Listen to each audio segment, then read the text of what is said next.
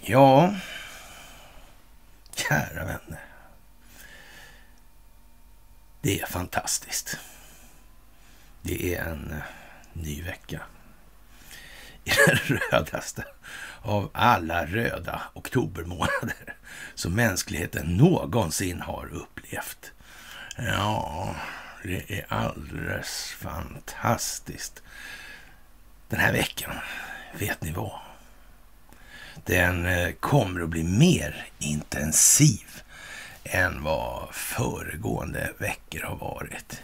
Är inte det fantastiskt? Jag tycker det är lite fantastiskt. Och ja, på något vis, alltså det känns, det ligger något i luften, lite grann bara, små saker. Ja, lite grann tror jag det finns att ta i just nu. Alltså. Vi skriver den eh, tionde tionde.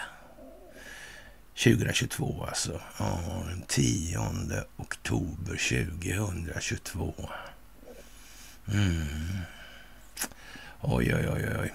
Det stundar dramatik. Här ska spelas lyxrevy. Man är väl rik. Ja, och nu, ny vecka, börjar med måndag. Då är det dags för ett måndagsmys. Ja, fantastiskt, fantastiskt. Och dramatiken är ju, ja, det här kommer att bli väldigt speciellt alltså. Mm. Det är väldigt mycket saker som händer. Mm. Det verkar koka ihop sig, det verkar konvergera på något vis. Jag är inte säker riktigt på hur. Alltså, vad ska det här landa i för någonting? Ja, är det här en stingoperation kanske? Eller är det kanske en, ett stingoperationsbaserat folkbildningsprojekt kanske? Hur länge har det där hållit på egentligen? Börjar de då förra veckan kanske? Eller veckan innan kanske rent utav? Var de ute i god tid? Mm. Ja, det där är ju lite märkligt, det måste man säga. Mm. Men eh, för att prata väder och vind, sådana här trevliga saker som svenskar tycker om att prata om. Alltså, vi kan prata covid också förresten, kan vi göra istället. Ja. Mm, Julian Assange, den gamle svenskbekantingen, har naturligtvis drabbats av covid. Han är testad med PCR-test och allting. Okej, okay, okej. Okay. Mm, så kan det bli ibland.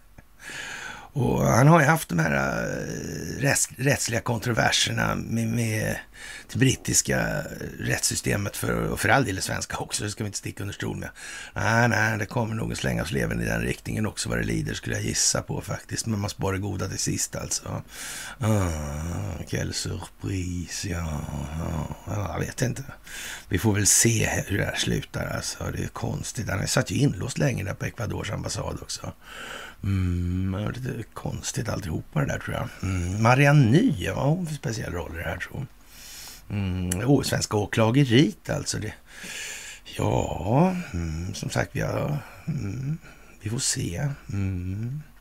Men, men för all del verkar det ha, ha, ha införts någon form av arbetsmoral på den ja, så säga, myndigheten lite grann i alla fall. Och, och, det får man väl hoppas eh, stämmer då. då. Och, och, jag tror att eh, Ja, det behövs nog faktiskt. Det är inte bara att, att, att, riva allt det här och sen tro att allting ordnar sig. Så kommer det inte att bli alltså.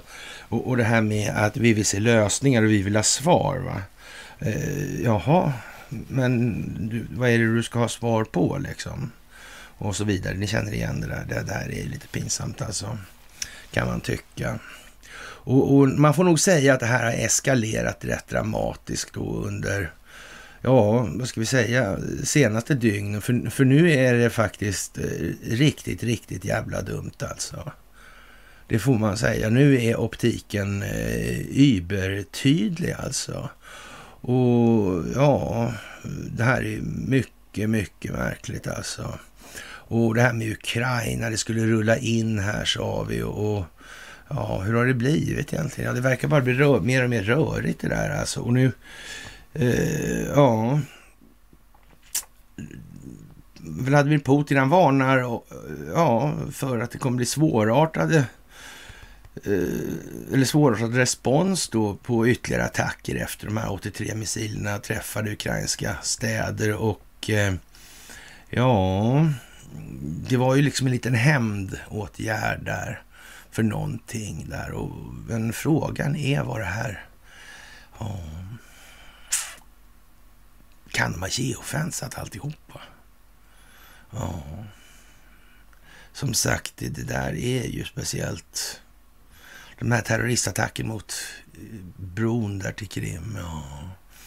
Mm, kanske den var geofensad. Finns det mer geofensad? Hon håller på med det länge tror jag. Kan de hålla med, eh, på med det kanske på någon form av global skala i de här sammanhangen?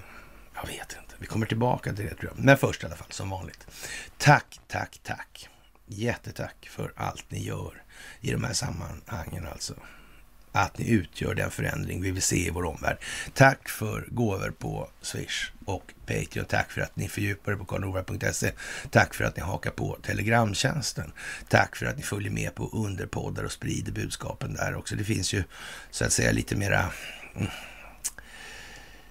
Ja, ja, eh, anpassat till ett bredare underlag kan vi säga sådär. Mm. Man behöver inte ha så ingående förståelse, så det blir lite mer populärt helt enkelt då. Mm. Man måste träna upp den här förmågan att eh, ta till sig logiskt konsekventa kedjor. Det, det räcker oftast med ett par steg. Alltså, det går inte att ta för många eller för stora. Det funkar inte riktigt. Elefanten måste inmundigas i tillämpliga delar. Alltså, det går inte att glufsa i sig allt i en tugga. Nej. Så glupsk är bara det arktiska rovdjuret. Det är väl han varulven va, som är det i seriesammanhang tror jag. Ja, det var alltid så liksom. Han var för jävlig helt enkelt på att ta koll på saker. Han en riktig okynnesmördare alltså. Mm. Lite konstigt det där faktiskt. Mm. Eller kanske inte så. Blir det någon, var det inte någon måne på G också i de där sammanhangen? Den här månen var det inte det också? Ovanpå allt det andra. Har jag missat något där eller? Nej, jag tror faktiskt inte det. För jag tror att det var lite så alltså. Och eh, ja, man får väl eh, någonstans säga att det håller på att bli eh, väldigt, väldigt speciellt ur en väldigt eller ett väldigt, väldigt stort antal olika perspektiv alltså. Och de tycks ha eh, några gemensamma nämnare som går igen över hela linjen. Mm, och vad kan det vara? Det kan vara så här att det handlar lite grann om den djupa staten. Det handlar om vad pengar är, inte främst vad pengar gör, även om den svenska befolkningen fortfarande stirrar sig blind på den frågan. Och, och det är ju inte sådär så, särskilt lyckat skulle man väl kunna säga. Och eh, ja, det är ju rättegångar eh, som eh, håller på här och eh, Bonnesen där, eh, dan, halvdanskan i alla fall, eller danskan, som eh, var vd för Swedbank. Mm. Hon sitter lite, eh, ja, speciellt till i medierna alltså. Och, och, ja, man säger helt enkelt så här från försvarets sida när det gäller bonusen där att han tvingade, lä, tvingade lämnas bank, eller lämna banken då för att man skulle tvätta banken rent då. Och, och ja, det är dags för försvaret att hålla sakframställan då i det här. Och enligt åklagaren har de vilseledande uppgifterna haft den innebörden att Swedbank AB inte har, hade eller haft problem med sina AML-processer då, anti, ja, svarta pengar, anti-money laundering alltså, i, i verksamheten i Estland 2007 till 2018. Men det, det, här är ju liksom någonting annat. Mm. Man kan inte göra så där man tar och griper Clintons direkt, alltså det går inte. Och har man väl kommit på det, vad finns det egentligen för anledning att, att rusa åstad och och om man ändå vet att det här är ett brott som bedrivs i en omfattning som skadar i princip hela världen, mm, måste man inte reda ut det då? Alltså kan man bara göra liksom eller hur ska man komma åt det här? Och om den här korruptionen är institutionaliserad, då vill det nog fan till att man tar reda lite grann, eller tar reda på inte bara lite grann, utan så mycket det bara går om hur pass djupgående och vittgående den här typen av cancer sitter alltså strukturellt. Och Det här är någonting vi kommer tillbaka till idag och hon försvaras av Per E Samuelsson. Och han verkar i alla fall vara en av de få advokaterna som, inte främst eh, söker ära och berömmelse, alltså någon filosofisk materialism då i det här. Mm. Det verkar vara lite så. Det verkar handplockat på något vis. Kan det vara så? Det skulle kunna vara så faktiskt. Och, och eh, banken i fråga då har filialer i en mängd länder och externa dotterbolag i Estland, Lettland och Litauen. Och, och ja, han redovisar då att banken fick en reprimand i Lettland 2016 och Litauen 2018. Alltså. Men hur var det i Estland då? Det är land som åklagarna fokuserar på. Alltså. Fakta är att man aldrig prickade av Estlands, eh, prickades av Estlands finansinspektion. Och hur är det egentligen med det där rättssystemet i Estland? Där? Vem var det som ställde upp med finansieringen av Eh, de juridiska utbildningarna där. Det var någon speciell va? Ja, det är samma igen ja, just det, så är det. Mm. De andra, det är naturligtvis en jävla skillnad, det är inte alls så. Men, men det verkar nästan upplagt, det är ju klumpigt gjort alltså i så fall. Är det inte det? Jag tror det. Det känns lite klumpigt faktiskt. Och Ja, det där är, liksom ja, reprimander då i Lettland 16 och Litauen 18. Alltså. Ja, det här är ju jättekonstigt alltså. Och, och mm, det där var ju jättekonstigt. Och jag vet inte. Det där är ju liksom rätt så givet vad det här är för någonting. Och det, vi kommer tillbaka till det också idag. att eh, Ja, man måste nog utröna lite hur det här. Och kan det vara så att bonusen har eh, på tidigt skede kontaktats av amerikanska myndigheter då, att man har kommit överens om innan hur det här ska spelas. Kan det vara så? Att det här är liksom en del av den här stingoperationen. Och det innebär ju också i sin tur då att de inom rättssystemet som kanske ja, vad ska vi säga, är estniska i sin eh, ambition och framtoning. typ sådär. Uh -uh. Mm. Ligger de bra till då? Jag vet inte. Kanske något för Petra Lund att tänka på. Det skulle man väl kunna gissa faktiskt. Och eh, Försvaret riktar även skarp kritik mot Uppdrag granskning. Obegripligt alltså. Denna förträffliga, ja, Alltså, ja, ska man får nästan säga institution, va? får man inte göra det? Jag tror nästan det. Svenska folket har alltid trott att det är bra i alla fall. Ja. Som avslöjar de misstänkta penningtvättsaffärerna. Per Samuels pekar på att Uppdrag granskning påstår att Swedbank var inblandade i Magnitsky-affären, vilket inte är korrekt. Nej, det är helt korrekt. Men eh, däremot så var det då en viss Bill Browder då, Hermitage Foundation då som anmälde Swedbank av någon konstig anledning. Mm. Ja, men tänk om det var så att det...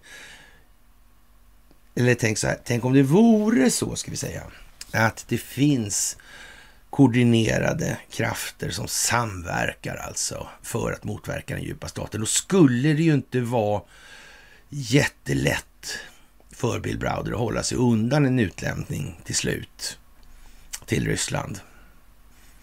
Mm. Han skulle nog klara sig sådär då, faktiskt. Mm. Skulle kunna vara så. Det måste ju vara fantastiskt eh, lockande.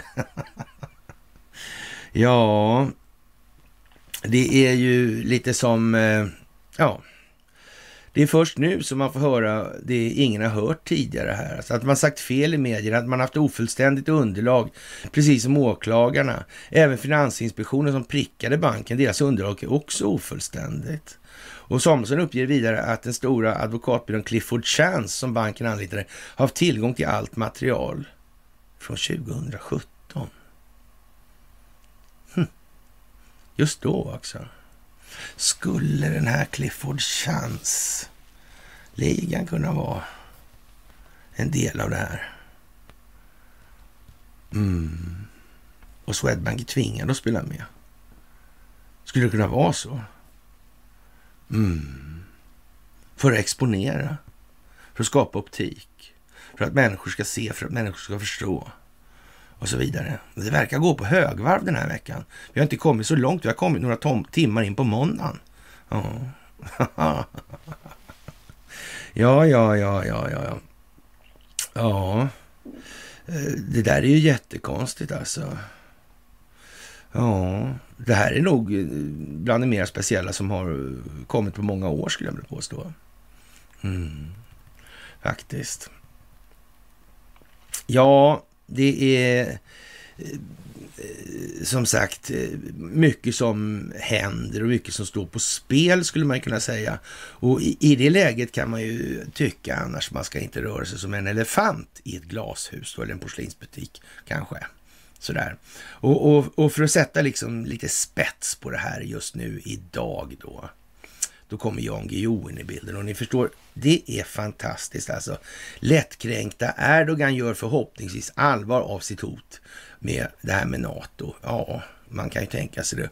Och, och sen sänker sig Jan Guillou till nivå som man säger att han inte sänker sig till och sen skriver han en hel artikel då. Och, och, och det, det, är inte möjligtvis på så sätt att det här kan få en annan reaktion än att det måste faktiskt förarga. Om inte annat så för hemmaopinionens skull i Turkiet. Så, så måste det här förarga Erdogan. Och då innebär det i så fall, då är det Jan Guillou som bestämmer om vi ska gå med i NATO eller inte. Mm. Är det rimligt? Ja, jag vet inte. Mm. Ja, det där är ju speciellt alltså. Ja, får man nog säga. Och det här med att Jan Guillou talar mycket liksom, noggrant om att han aldrig skulle kalla eh, Recep Tayyip Erdogan för eh, någonting som hade med zoologiska förolämpningar och, av djupt osmaklig natur då och tycker att det är liksom, ja det är sånt som nazister och sverigedemokrater håller på med och anhängare då och, så, och svin och råttor och kackerlackor och sånt där. Det, det, det ingår inte i hans repertoar och just därför så, ja, har han då skrivit den här artikeln där han då gör med två stycken asterisker istället då. Eh, ja, ta bort några bokstäver, två stycken. Eh, två L kan jag säga. Mm. Och så kommer det, ja, ett ning efter det då. Och eh, ja, sen håller han på och töntar sig på det här sättet. Och man kan ju faktiskt tänka sig att med den vidsyn heten som han har från den höjden han befinner sig på med huvudet. Så ja, man kan inte begära så mycket mer helt enkelt. Och, och ja, det är en eh, speciell situation när det blir så här, det måste man nog säga. Eh, det finns ingen svensk som kommer sympatisera med Jan Guillou i det här. Nej, det är ju så va. Det verkar vara liksom färdighaft på något vis. Och, och det är väl skönt kanske. ja. Och, och de här dylika förolämpningar har inte framförts alltså i, i interimsregeringsorganet Aftonbladet. Det är ju en liten passage i det här. Här skulle vi aldrig komma på tanken att kalla Erdogan för några av de här epiteten eller och så skojar han till då med sista meningen i det här. Jag vet det fan alltså. Vad har Jan Guillou gjort? Vad har Jan Guillou gjort för att hamna i den här situationen? Det där blir inte bra alltså. Det blir det inte. Faktiskt. Och ja, vi får väl se vad det tar vägen alltså. Men jag, jag kan inte för mitt liv förstå hur han går med på att göra något sånt där alltså. Och, och jag kan knappt förstå att, att liksom det finns sådana tvångsmedel, alltså inte ens i amerikanska stingoperationer av aldrig tidigare skådad natur eller omfattning och storlek då på planeten alltså. Alltså det finns sådana påtryckningsmedel att man kan få någon att göra det där. Det verkar jätte, jättekonstigt. Jätte, jättekonstigt. Man kan säga så här att eh, möjligheten för att en och annan turkisk medborgare uppfattar Jan Guillou som ett mycket störande moment i tillvaron helt plötsligt. Han ska nog inte semestra i eh, Turkiet. Det ser inte ut så i alla fall. Inte på kort sikt i alla fall, det är helt säkert. Mm. Så. Och eh, ja, vad ska vi säga? Det är ju bortom löjeväckande Det är vad det är, helt enkelt. Och när det är bortom löjeväckande, då, då kan man ju faktiskt konstatera att eh, då blir det ju så av, av en anledning. Mm. Och det blir bara bättre. Mm. Och cirklarna sluts. Mm. Det konvergerar. Mm. Så är det. Och den här måndagen är fantastisk. Årets ekonomipristagare, alltså Ben Bernanke, Douglas Diamond och Phil Dybvik har väsentligt förbättrat vår förståelse av bankernas roll för ekonomin, särskilt vid finanskriser. Det behöver man ju faktiskt inte säga är osant på det viset, men det har ju inte varit så att säga i den meningen att de har eh, gjort det liksom... Uh,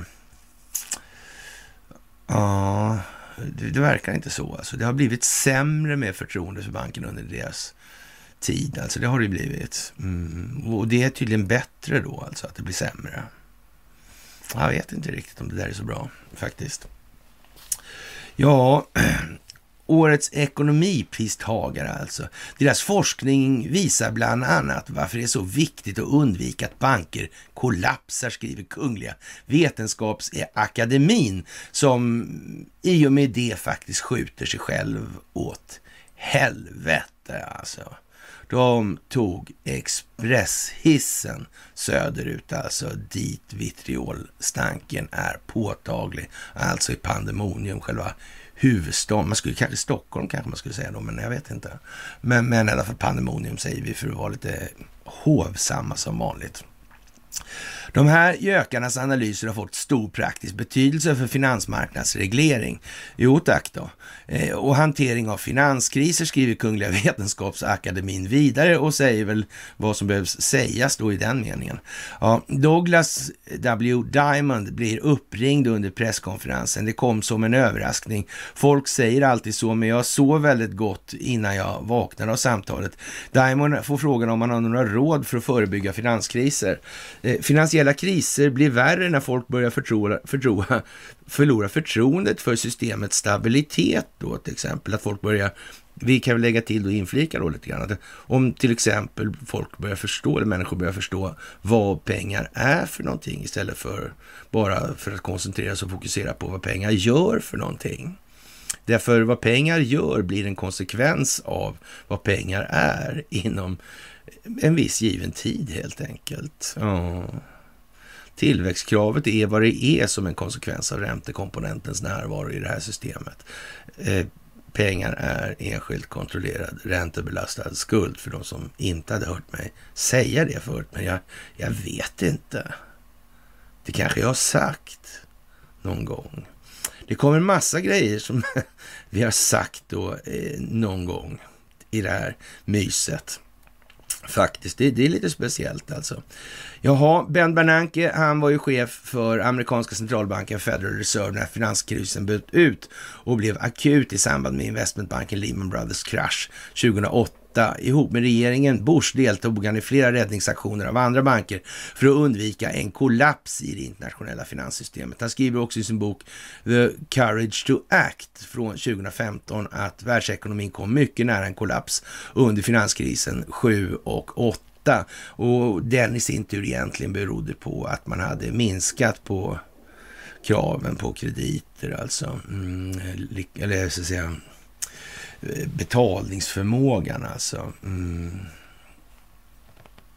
Kreditvärdighetskravet. Ja, och det måste man göra när det blir skuldmättat alltså. Mm, måste man göra de där. Och, och, när räntorna går mot noll, det måste gå, börja gå mot noll också. När, och det här har ju varit, det har hållit på en stund. När börjar räntorna sjunka egentligen? Ja, skuldmättat har det varit väldigt länge, men så lyckades man då genom skuggbanksystemet och kreditavregleringar och sådana grejer. Ja man lyckades skjuta upp det här på något vis alltså. Och sen har man då eh, på senare tid då försökt skapa olika politiska utfall och scenarier som ska täcka då för den här lilla inbyggda mekanismen med att systemet blir skuldmättat. Så man kunde tänkt sig att skylla på det då. Det har gått så där alltså, det har inte blivit så bra. Nej. Nej. Det där är lite speciellt alltså. Men man får som sagt ta det här i delar och, och många har ju en idé om att man ska då rädda sina pengar och såna här grejer. Och, och, och eh, som sagt, det blir nog väldigt svårt alltså, skulle man kunna säga. Det är inte så mycket att göra egentligen, verkligen att vara glad och ledsen för det. Det verkar tjurigt det här alltså, kort sagt. Mm. Men, men, meningen är naturligtvis inte att det ska bli kaos och helvete. Men eh, ja, vi får väl se hur den här planeringsmodellen ser ut. Men som sagt, om tillgångarna är enskilt kontrollerade räntebelastade skulder och sen eh, det kanske inte är någon lämplig idé att ha kvar den här typen av strukturer, alltså banker på det viset. Det kan vara så faktiskt. Ja, det där är mycket så.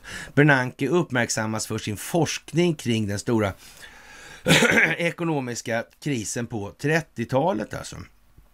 Ja, som förvärras av så kallade bankrusningar där många sparare ville få ut sina pengar samtidigt. Och Diamond och Dybvik har visat i sin forskning att bankerna är den optimala mellanhanden för att kanalisera sparare till investeringar. Men de visar också hur viktigt förtroendet är för att det system ska fungera, alltså för att systemet ska fungera. Till exempel kan bankkundernas sparande till stor del vara låst i bankens utestående lån, vilket gör att bankerna får stora problem om många kunder samtidigt vill få ut sina besparingar. Mm. Och om tillräckligt många tappar förtroende för banken och beslutar att ta ut sina pengar kan banken kollapsa. Deras forskning har visat att den farliga dynamiken kan förebyggas genom statliga insättningsgarantier och beredskap för eh, nödlån till krisande banker. Alltså. Det är då samhället som man ska gå in och täcka upp för det här då alltså. Och, och samhället består av mm, individerna, medborgarna, individerna alltså som ska stå för det här då.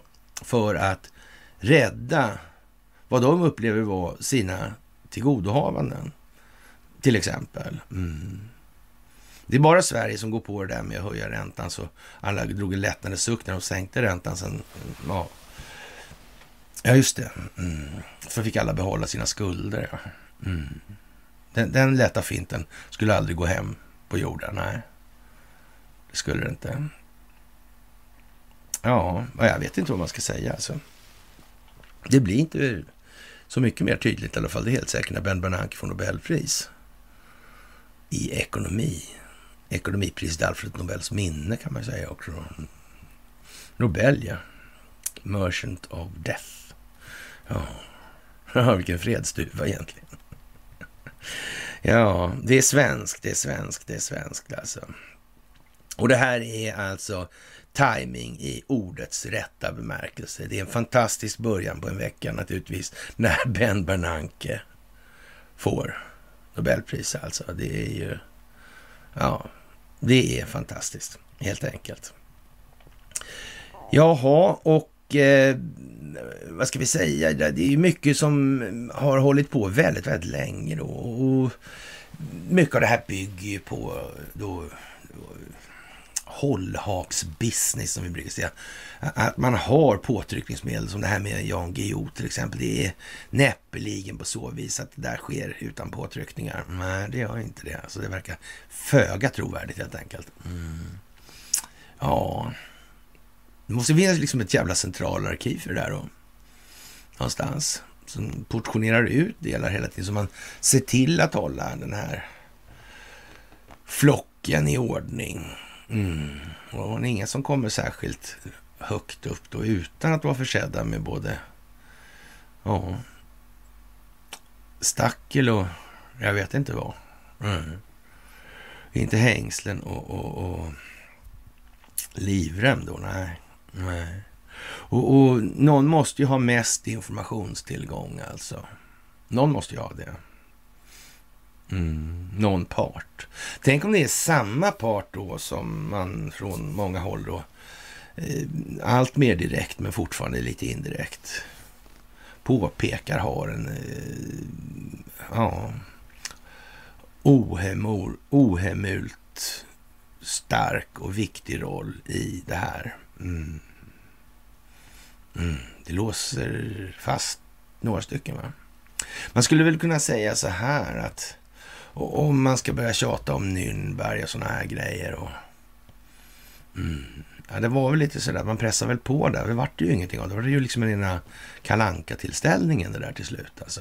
Och det var ju det med Stella Polaris och allt sånt där. Alltså man köpslog med båda sidor i världskriget då. Ja. Måste ju ha haft något att komma med då. Man kanske hade satt det där i system. Vad kan det vara för system? Vad kan det vara för någon liksom, historia där? Ja, de här förklaringarna då vad Boschaffären var för någonting. Det var ju Olsson som har skrivit den. Men han glömde ju det här med not 53 med Herbert Lyck. Det gjorde han ju i Bosch-utredningen. Det, det, det, hade han ju med där. Och det här med att Stenbeck skrev på ensam sen. Det, gjorde, det, det hade han ju där. Och, och att han fick vara i, i han fick ju betalt för att göra det och det kan man ju tycka det var för jävligt och alla gnällde på det och så vidare. Men det var väl inte det som var problemet. Va? Hur många är det egentligen som har varit nere och tittat i Wallenbergarkivet sådär och letat de delar som är inte är extra inlåsta kanske? Ja, det måste ju bero på någonting att man inte torskar. Förutom att deras stillsamma patriotism som eh, ja, PM Nilsson hävdar i Dagens Industri igång att det var det det berodde på det här med försvarsindustrin, det militärindustriella komplexet och allt det här. Mm. Det kan ju vara det i och för sig, men, men inte helt säkert. Det skulle kunna vara på några andra sätt också faktiskt. Oh. Skulle någon ha kunnat skaffa sig tillgång till det här Wallenbergarkivet kanske? Eller till och med haft ett eget arkiv? Typ CIAs arkiv eller sådär. Mm, va? Pike Mombeo? Mike Pompeo heter han. Ja, ja. han var CIA-chef ja. Mm. Vad var så han? Ja, just det. Ja, det, det sa han. Han sa att det där med att det var ett nationellt säkerhetsintresse för USA. Mm. Ja, det kan ju vara på många sätt. Och speciellt om de har en massa så att säga, information om, om Bush-familjen som landade på Wallenbergs gräsmatta och allt det här. Nej, ja, just det. Just det, så kan det vara också. Ja. Man tänker inte på det alltid kanske, men ibland kan man ju tänka på det.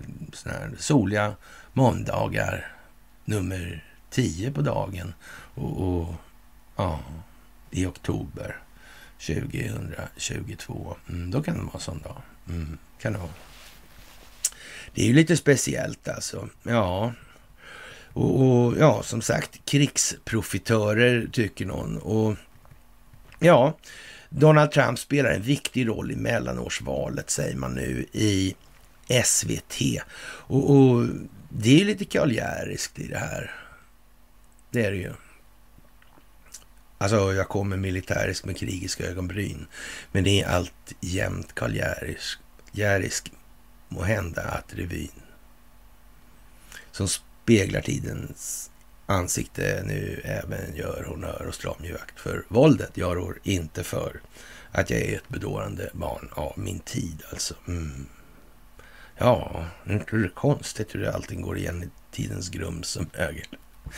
Ja, man vet ju inte. Kanske håller ett helt mys på Karl Ja, den ökända hästen från Troja tas nämligen upp i den här artikeln och man, man skriver så här då i SVT. Och eh, Ja, eh, många är beroende av hans stöd. Han har som en trojansk häst tagit över det republikanska partiet. Och, och vill man ha hans väljares stöd, ja, och man vill ha hans väljares stöd. Det är därför många är beredda att kompromissa med vad man tycker, säger någon som heter Utterström i SVTs morgonstudio. Utterström och så i tv-sammanhang, Sveriges Radio. Det har vi hört förut alltså. Vi känner igen det namnet. Vi sa som mormor som Göran Persson. Det har vi provat för. Det gick inte så bra. Eh, men, hon sa inte så. Hon sa någonting syrligare kanske. Eller de, definitivt sådär. Ja, och ja, den ökända hästen från Troja är ju naturligtvis vad den är i det här sammanhanget. Och eh, Sverige är ju vad det är.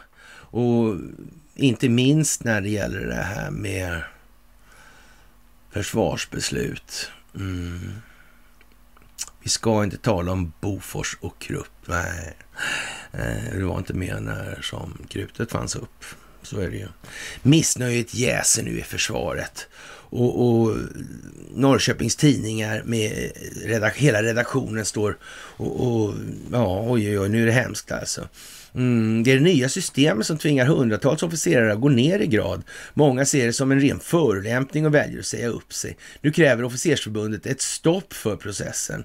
Henrik, som av säkerhetsskäl intervjuas anonymt, motsätter sig det han upplever som en degradering och överväger att efter med 30 år i bolaget, hos firman, eh, som anställd lämna Försvarsmakten för en civil karriär. Det måste finnas massor med år kvar på den då. Ja, bara på hans regemente har ett tiotal redan slutat. Ja, det där är ju liksom, prestigen är ju en viktig grej för en soldat naturligtvis. Det är därför de ska vara soldater. Det är ju viktigt. En person satt på en helt unik kompetens. Två till är på väg att försvinna. De får jobb i försvarsindustrin direkt. Ja, som jag sagt, det är ju jättepraktiskt om det är så. Mm. Vad bra liksom. Men en horskylt kanske man skulle ha till och med. En namnbricka som det står luder på eller så. Köpetös, som Sofia brukar säga. Ja, till exempel. Det är ju mycket speciellt alltså. Eh, själv har han ett jobberbjudande som han överväger att ta. Det skulle innebära en löneförhöjning på 40 procent alltså. Det är fantastiskt. Ja, införda av det så kallade trebefälssystemet innebär att officerare med kaptensgrad eller lägre som är utbildade i det äldre NBO systemet antingen ska kompetensutvecklas mot en högre officersgrad eller byta grad till en specialistofficersgrad. I Henriks fall innebär det att han går från kapten till den lägre graden fanjunkare. Och även om den korrekta termen är byte av personalkategori talar många om degradering och upplever att deras kompetens och det som de har strävat efter inte värdesätts alltså. Ja, har de strävat efter högre grad? Det vet jag inte vad det gör för nytta för försvaret egentligen eller försvarsförmågan för landet. Men jag kanske har missförstått det där på något vis. Ja, han jämför med om en sjuksköterska som har högskoleutbildning får veta att hon från och med måndag är undersköterska. Jaha. Det här är personer som har slitit för att först bli löjtnant och sedan kapten, säger officersförbundets Lars Fresker när han ska förklara varför frågan om så kallad omgalonering är så infekterad och känslig. Eh, ett antal personer har frivilligt gått med på att byta grad, men officersförbundet bedömer att runt 300 personer motsätter sig. Det innebär att 300 MBL-förhandlingar, först lokalt, sen centralt, och några av dem kommer troligen att gå vidare till Arbetsdomstolen, säger Lars Fresker. Förhandlingarna riskerar att bli en tidskrävande process och nu begär officersförbundet att Försvarsmakten drar i bromsen. Nu måste man stoppa den tvingande omgalloneringen i och med omvärldsläget och det eventuella NATO-medlemskapet känns det som helt fel att lägga tid och resurser på det här alltså.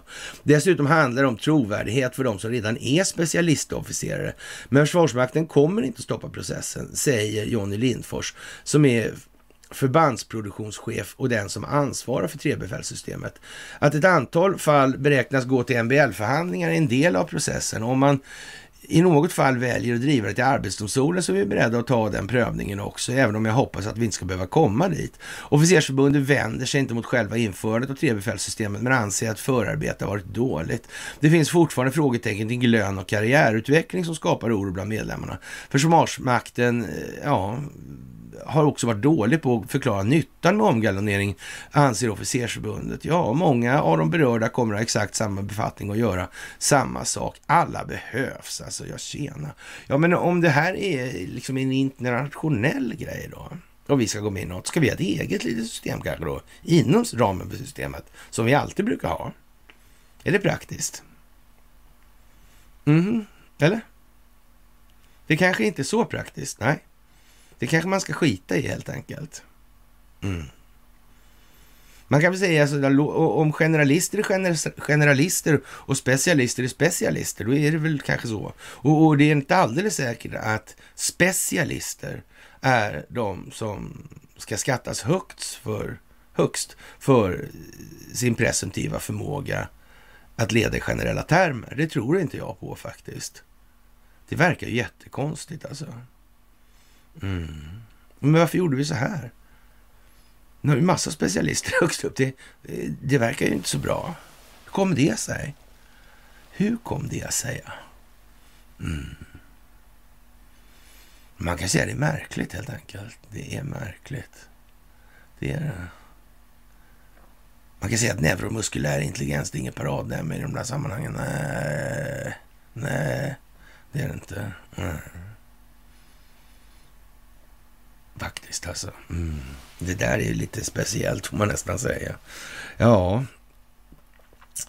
som sagt, officersförbundet har ingen eh, riktig koll på hur många som har eh, slutat då på grund av trebefälssystemet. Men det, och det kvittar anses Lars Fresker. Alltså, vi har redan brist på yrkesofficerare.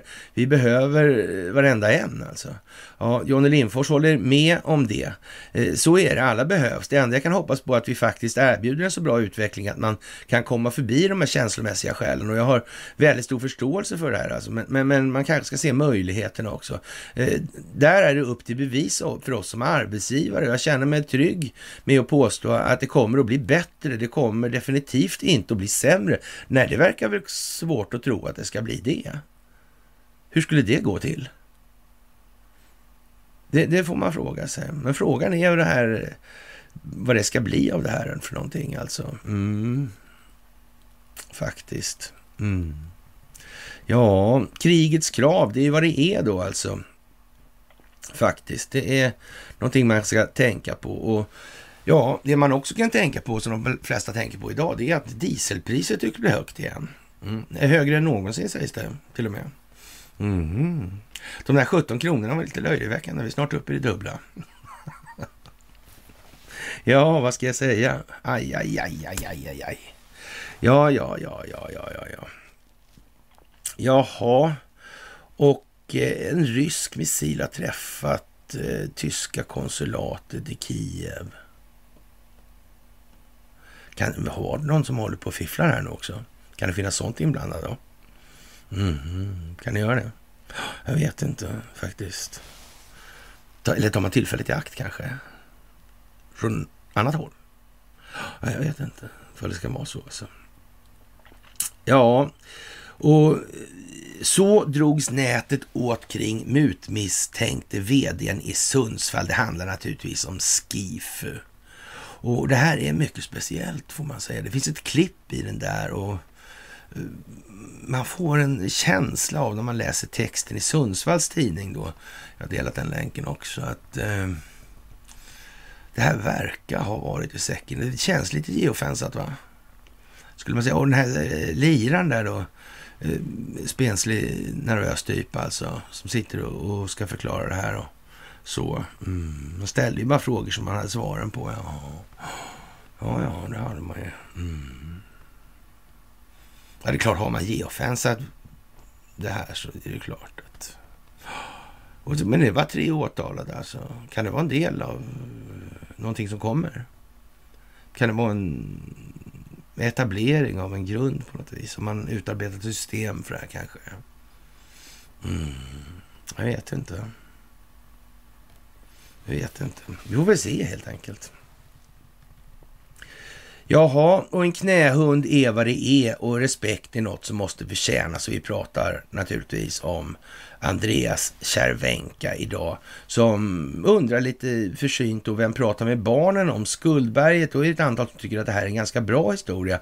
Det tycker inte jag. tycker den är helt värdelös och jag har ställt frågan till honom vad, vad, varför inte säga som det är istället rakt ut? Och jag har sagt, det finns ett YouTube-klipp med det där och det är bara att söka på mitt namn och hans namn så hittar ni det. Alltså. Mm. Och, och det handlar om grindväkteri som man ägnar sig åt. Ja, vad ska man säga?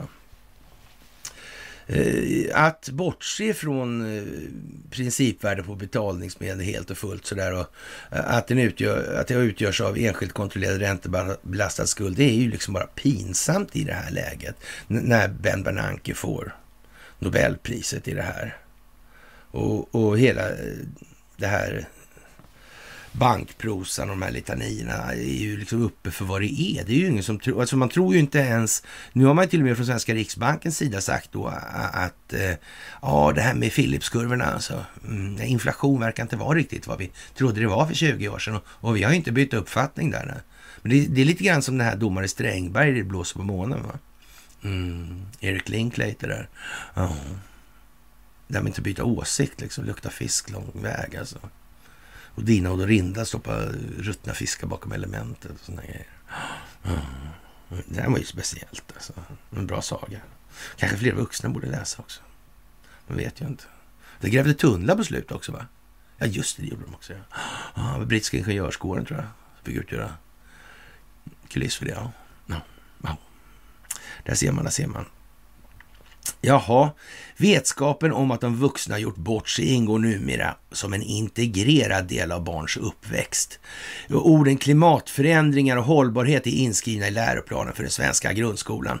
Dagens unga är också smärtsamt medvetna om att väldigt lite görs åt problemet. Tvärtom bidrar ju bara politikerna till den globala uppvärmningen med sina allvarstyngda tal på ändlösa klimatkonferenser som ett läckande bullshit stream 2 som fyller atmosfären med tomma floskler. Om klimathotet var det enda som generationerna födda runt andra världskrig och framåt ställt till med så vore det mycket illa. Eh, men det är inte det enda de har ställt till med faktiskt. Klimatfrågan handlar om att människan intecknar jordens framtid genom att överkonsumera naturresurser parallellt men inte utan samband har motsvarande beteende präglat ekonomin. Konceptet lån innebär att omvandla framtida penningströmmar, ränta till eh, kapital som kan användas redan idag. Det här får man ju säga sådär, är liksom en glidning som, eh, ja, är ju liksom eh, vad man ska säga lite undligt med hänsyn taget till att det kommer ju ut väldigt lite kapital ifrån en bank utan att vara försedda med just den här lilla detaljen ränta. Alltså det dräller ju inte ut. Och, och då naturligtvis eh, sanna entusiaster för det här systemet, de, de, säger ju liksom att det är bankerna som de konsumerar ju upp de här pengarna rakt av. Alltså. Ja, mm, det gör de. De gör inte alls historiskt höga vinster till historiskt låga räntenivåer och en allt mer fallande kreditvärdighet och en löptid på skulderna som närmar sig oändligheten. Amorteringsfritt alltså. Mm. Ja, men så är det ju. Det är ju så det är. Jaha, men det vet inte jag vad han snackar om. Är han lite dum i huvudet eller är han åtsagd? Det får man väl gissa lite grann kanske, något, jag vet inte. Det är ju Eh, ja, inga nyheter i och för sig då. Och i alla fall oerhört smidigt, inte minst eftersom det i den moderna ekonomin inte krävs mer än en bankmans enkla tryckningar på ett tangentbord för att ordna fram resurserna. Först en parentes. Att ta upp ämnet skulder är förknippat med viss risk alltså. Och det är sant, det är det i, det här. Men, men, han tar inte upp skulderna på det sätt som sig bör. Alltså det är ingen som förstår att, så att säga, systemet kan bli skuldmättad som en konsekvens av det Andreas Cervenka förmedlar i det här. Och, och, jag säger det ytterligare en gång i det här, alltså därför att många tycker det här var ett steg i rätt riktning. Det är det inte. Det, det, det, är på något vis så att man tror att de här bankerna i sig själva har en inneboende hållbar funktion. Alltså. Men den har överutnyttjats lite grann här och nu. Mm. Och, och, den här vinstmaximeringen som de bedriver då, alltså motivet alltså som till och med står i den svenska aktiebolagslagen att man måste ägna sig åt. Jag vet inte exakt hur det här ska kunna liksom bli någonting annat än vad det här har blivit. Det har aldrig någonsin kunnat bli någonting annat. Om man får vara lite som milt uttryckt saktfärdig för att hålla sig med en retorik som han gör i det här alltså. Ja, och, och som sagt en viss risk. Länge stämplades de som varnar för en allt för högt belånad världsekonomi som ett slags krösamajor, gone dark, depressiva figurer, svåra att ta på allvar. Och vem som är, är galjonsfiguren i det sammanhanget, det har ni väl hyfsat klart för er åtminstone då. Och, och som sagt, det kan han väl få lite poäng för i alla fall, det är ju åtminstone sant. Först en parentes alltså, vad det är. Mm. Eh, parentes då, det är inte så viktigt. Alltså, det där med att jag blir kallad för det ena och andra, det spelar kanske ingen stor roll för mig. Men eh, ja, att folk har förstått varför det här inte är särskilt lämpligt, att det här är för samhället direkt förkastligt, det, det är en annan sak. Det, han skiter liksom i själva mekaniken i det här. Och, och det är inte så bra tycker jag. Och Eh, på senare tid har det till och med uppstått skojiga teorier om ett land egentligen kan låna hur mycket som helst. Som en räkfrossa in, ända in i evigheten. Men han kanske ska ta det här i delar, jag vet inte faktiskt vad, hur de har tänkt sig. Eh, en vuxen variant av det som man hos små barn brukar kalla för magiskt tänkande. Eh, det är det där som ger Nobelpris då för Ben Bernanke skulle man kunna säga. Man kan säga att Cervenka och Bernanke inte har så mycket med varandra att göra. Ändå är det samma dag. Där. Det är lite udda kanske. Och, och, jag vet inte, det var inte samma tidning kanske, det var Svenska Dagbladet med samma ägare till tidningarna, är inte det konstigt? Man kan ju tycka det här lite sådär, mm. Det enda som teoretiskt skulle kunna förstöra festen enligt den här nya läran då, mm, är hög inflation, attans. Okej? Okay det blir ingen skuld, det kan inte bli skuldmättad. Den här räntan, det finns en, en oändligt stor möjlighet. Alltså, det går att ha hur stor finansiell belastning som helst på den reala ekonomin utan att den reala ekonomin tar skada. Det är ju det han säger då.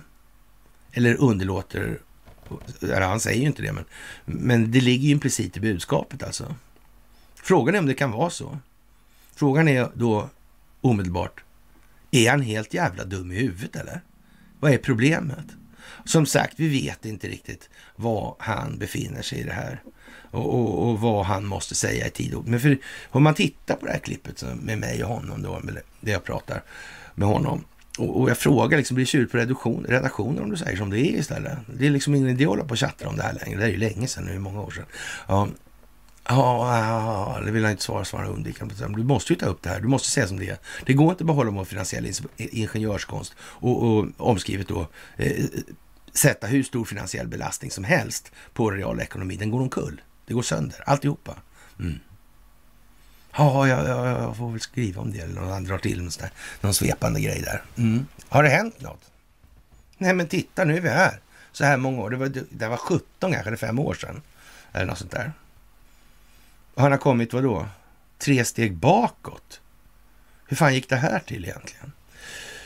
Men som sagt, det här stingoperationsbaserade folkbildningsprojektet har hållit på länge, länge, länge. Mm. Vi kommer tillbaka till Kristoffer Steele, vi kommer tillbaka till Brookings Institute. Eh, där Robert Kagan jobbar, där Carl Bildt brukar husera då och till och från. Mm. Robert Kagan. Gift med Victoria Nudelman egentligen, men Nuland numera. Mm. Biträdande amerikanska utrikesminister. Hon, det var hon, fuck EU där alltså. Mm. 2009, Christopher Steele. Oj. Att han blev en sån här eh, osedvanligt pålitligt vittne liksom. Bara. Sådär. Mm. Ja, ja. Ja, ja, vi får väl se alltså. Helt enkelt. Ja, orsaken är att, att problemet med för mycket skulder inte sett ut som ett problem är förstås att räntan under lång tid var så låg. Eh, den epoken är över. Okej. Okay. Ja, ja. Så höjer man räntan så, så, så blir det mycket bättre alltså. Vi har ett problem med betalningarna på räntan. Okej, okay. så vi höjer räntan så minskar problemet. Eh, va?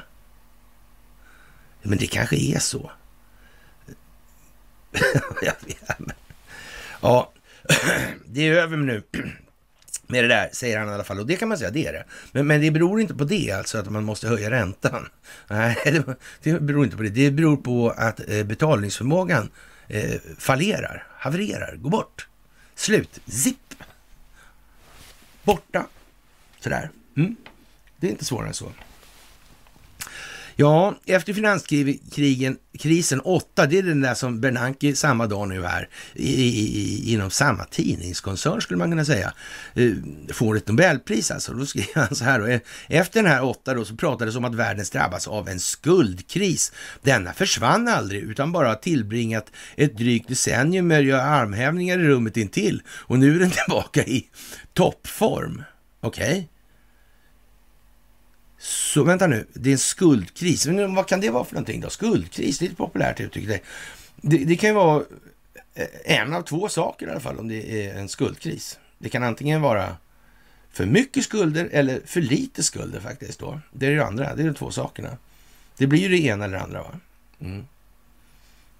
Och undrar vilka det kan vara det handlar om. Det är alltså för mycket skulder. Okej. Okay. Och vad blir problemet då, då? Med de här skulderna? Vad, vad är problemet egentligen med de här skulderna? Varför går de inte att försörja? Nej, vad kan det bero på? Hur kommer det sig? Varför tar man inte den vägen där skulderna kan försörjas liksom? Om det finns en sån väg. Eller gör det inte det kanske möjligen inte? Nej, varför då? då någon, varför inte har någon sagt något då? Uh, ja, uh, uh, ja, ja. Mm. ja, det här är ju helt efterblivet alltså. Men ändå, vi får fortsätta med det här. Och eh, den är tillbaka i toppform i alla fall nu enligt Cervenka. År 2000 uppgick de samlade skulderna i världen, privata och offentliga, till 84 000 miljarder dollar.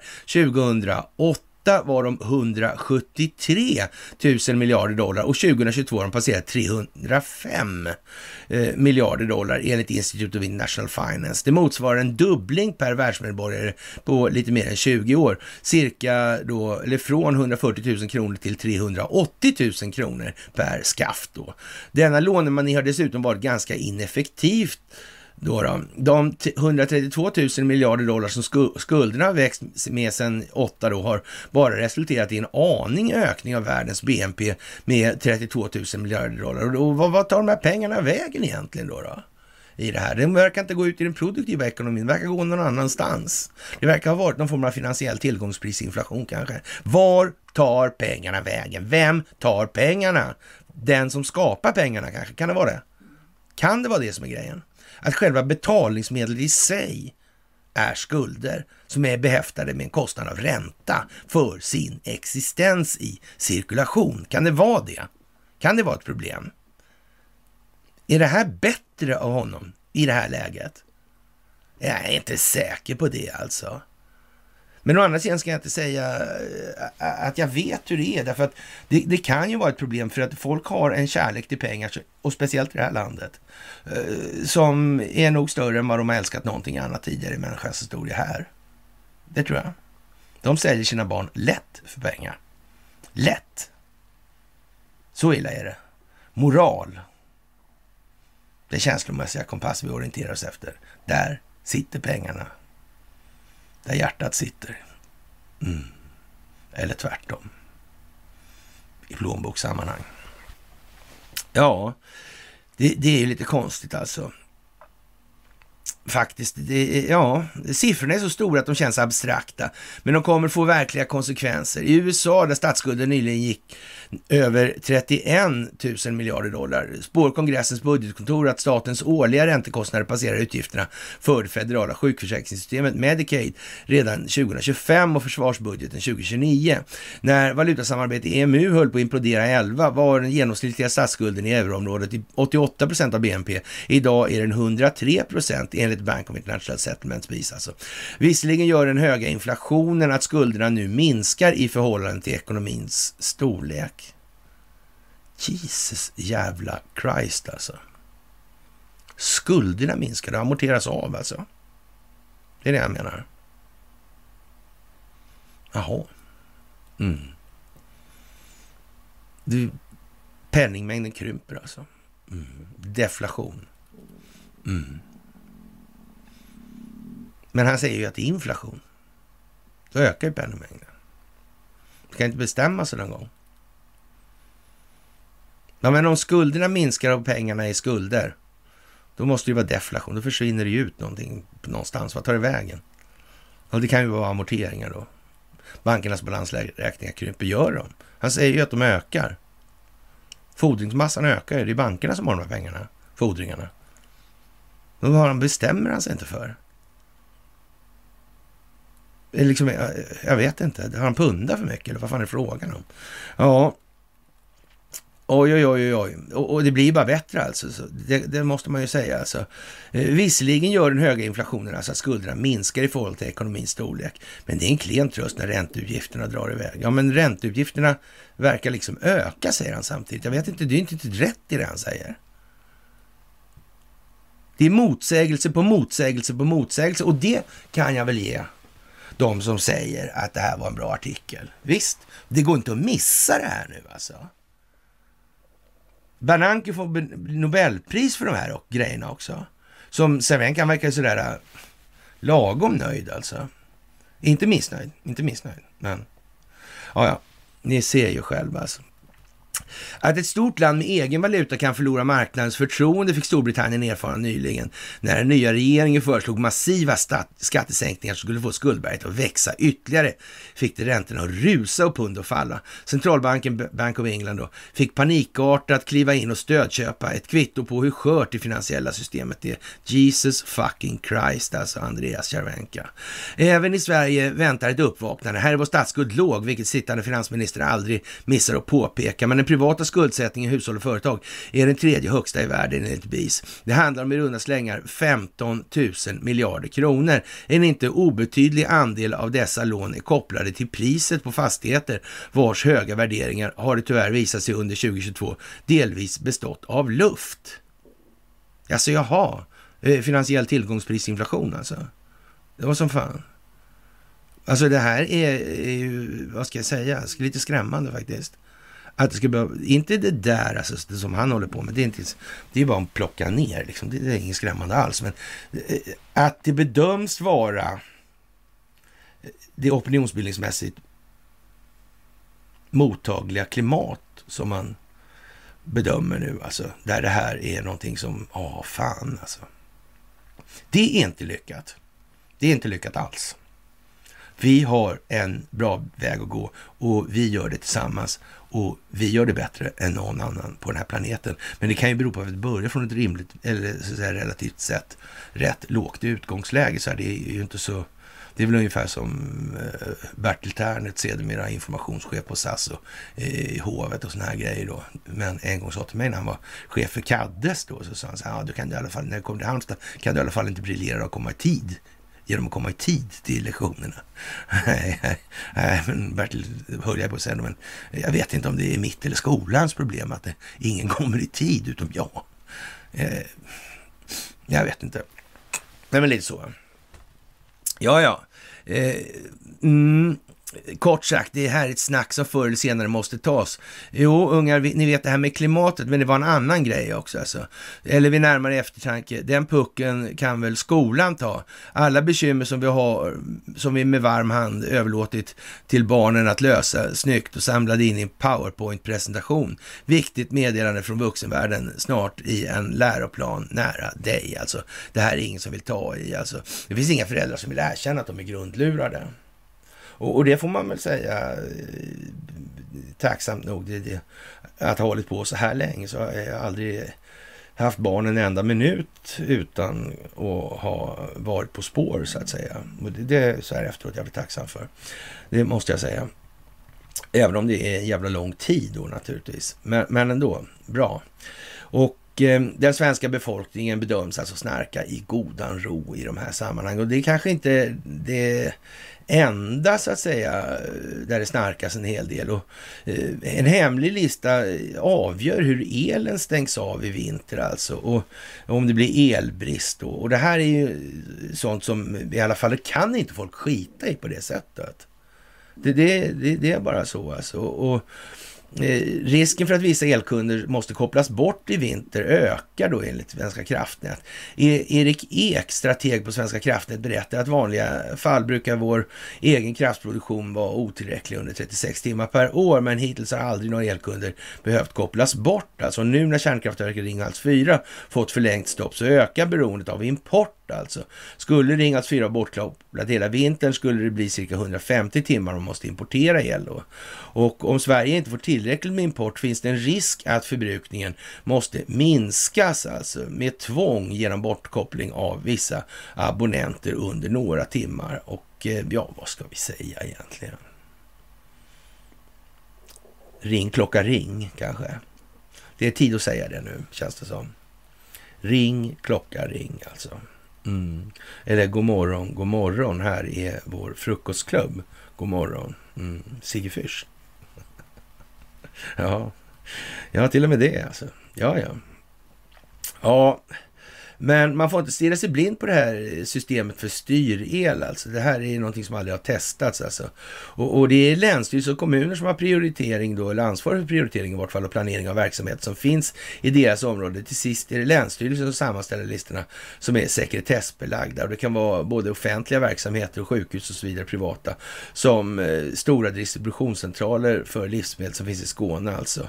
Och, och ja, det, det, är klart att det där, det där är ju lite speciellt alltså. Och, och det här kan ju, ja, bli jättekonstigt alltså. Och, men problemet i de här sammanhangen, lite grann då, det, ja, det här med prioriteringslistorna där, det, det, det, är ju ett problem liksom med, med det i, i så mått alltså att Eh, ja, det finns liksom inga sådana riktigt och inte fastställda i vilken ordning på det. Va, vad är liksom prioriteringslistorna? Vem, vem föredrar vad här? Kommer någon ställa av, stänga av det egna husets el om det är så alltså? Eller? Eh, eller grannens kanske? Eller uh, mammans? Eller vad liksom? Uh, ja, det där är ju liksom, för kommunerna kan det vara knepigt med de här prioriteringarna. Alltså. Vi tittar på vilka verksamheter som finns i kommunen och lämnar in våra listor i Länsstyrelsen, säger Per-Erik Ebbestål, hållbarhets och trygghetsdirektör på Malmö stad. Eh, kruxet är bara att kommunerna inte känner till allt.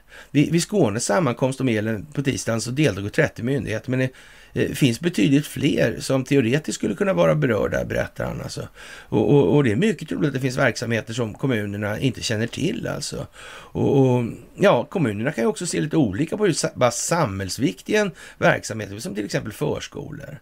Och, och, det finns ingen definition på vad som är samhällsviktig verksamhet. Och i Skåne finns det 33 kommuner. De har ingen aning. Vad är det här för någonting egentligen? Men måste ju Myndigheten för samhällsskydd och beredskap måste ha koll på det här. Har de inte det? Och varför har de inte det i så fall? De är och knullar i Bangkok. Jaha. Men man måste ändå säga, det måste varit... Det här kan ju inte komma som en överraskning kan man ju tycka. Det måste ju vara liksom ett case. Allting kan ju inte vara när jag sa att det skulle bli skuldmättat då 2013, till, skrev till Riksbanken och så. De hänvisade till, eller jag skrev till MSB och sa att de måste ha någonting i det här och, och MSB ville inte höra talas om det. De skickade till Riksbanken och eh, Riksbanken vågade inte ens svara ampert utan de svarade liksom, ja de prognostiserar inte det utfallet helt enkelt. Nej, nej, nej. Ja, men det här är ändå lång tid, alltså nu är det 22, alltså det är nio år sedan då. Mm. Man, man, skulle ju kunna tänka sig, att lite bättre situation hade vi nog kunnat haft om man hade tagit tag i den saken. Problemet är naturligtvis det att det är rötan. Det är den djupa staten. Det är den institutionaliserade korruptionen som ställer till, ställer till alltihopa. Det är därför. Man har inte kunnat göra på det. Den valmöjligheten har aldrig funnits. Whatsoever. Man måste röka ut den här skiten och man måste göra det globalt. Det finns inget annat sätt. Det är bara det. Punkt jävla slut alltså. Och eh, Ja, man konstaterar att det är lite rörigt med många inblandade och många olika intressen från Malmö stads sida i förhoppning att man lyckas spara så mycket att man slipper bry sig om det här överhuvudtaget, den här bortkopplingsfrågan. Och, och sparar vi, vi 2 el så minskar den risken flera gånger, förklarar Erik Ek då. Och, och ja, vad ska man säga? Ja, eh, om elen ändå behöver kopplas bort till det elnätsbolagen som till sist trycker på knappen alltså. och, och Peter Hjalmar, regionchef på E.ON, som har en stor del av elnäten i Skåne, berättar att uppdraget då kommer från Svenska kraftnät som talar om hur mycket som måste tas bort. Alltså, vi väljer inte vilka elnät vi kopplar vi utgår från listorna från Länsstyrelsen, säger han så här. Och det här är ju någonting som hänger i luften och det kommer inte alls kunna utnyttjas för att skapa opinion alltså. Och därför har vi fått de här fina nya elmätarna som kan stängas av då. Mm. Är inte det perfekt? ja, ja, det är folkbildning alltså. Boys and girls and other phenoms. Jaha, och på tal om utan el så var hela Bornholm utan el och eh, ja, man, man, trodde det var sjökabel men det var det absolut inte utan det var eh, någon lokal historia, en transformatorstation där som hade eh, gjort någonting konstigt. Ja, jag vet inte. Det verkar ju märkligt det här alltså att det kan bli så här tokigt. Och styrningen, då, vad, skickar man ut någon till Bornholm eller hade man liksom ett team där som var på hugget liksom? Eller vad, vad, vad konstigt. Ja, jag vet inte. Mm. Det där är ju lite speciellt faktiskt. Och, eh, och det här är ju nära den här Nord Stream Pipeline alltså. Ja. Det är ju märkligt. Och då, man säger då i andra medier att det var liksom nära någon kabel där. Och, mm. Jag vet inte.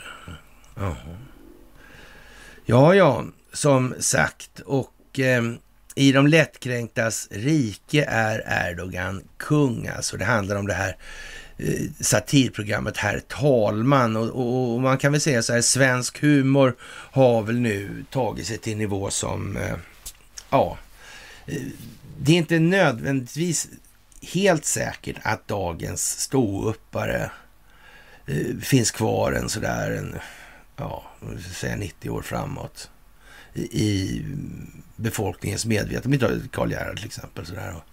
Så en kuplettmakare. Mm. Jag tror inte riktigt det blir så, men jag kan ha fel. Det kan jag absolut ha alltså. Och eh, ja, vi får väl se vad det blir alltså. Och eh, det här med eh, ja, parodi från bunkerscenen i filmen Undergången, Hitler och Tredje rikets fall, där Hitler får dra sig sina medarbetare och det är jätteroligt alltså. Och, och, och statsministern jämförs med Hitler och ja, jag vet inte, Ulf Kristersson. Alltså, det här eh, överlag liksom i det här eh, är det klart man ska kunna skoja om sådana här grejer, men är, är det liksom, av vilken, är det ett självändamål det alltså?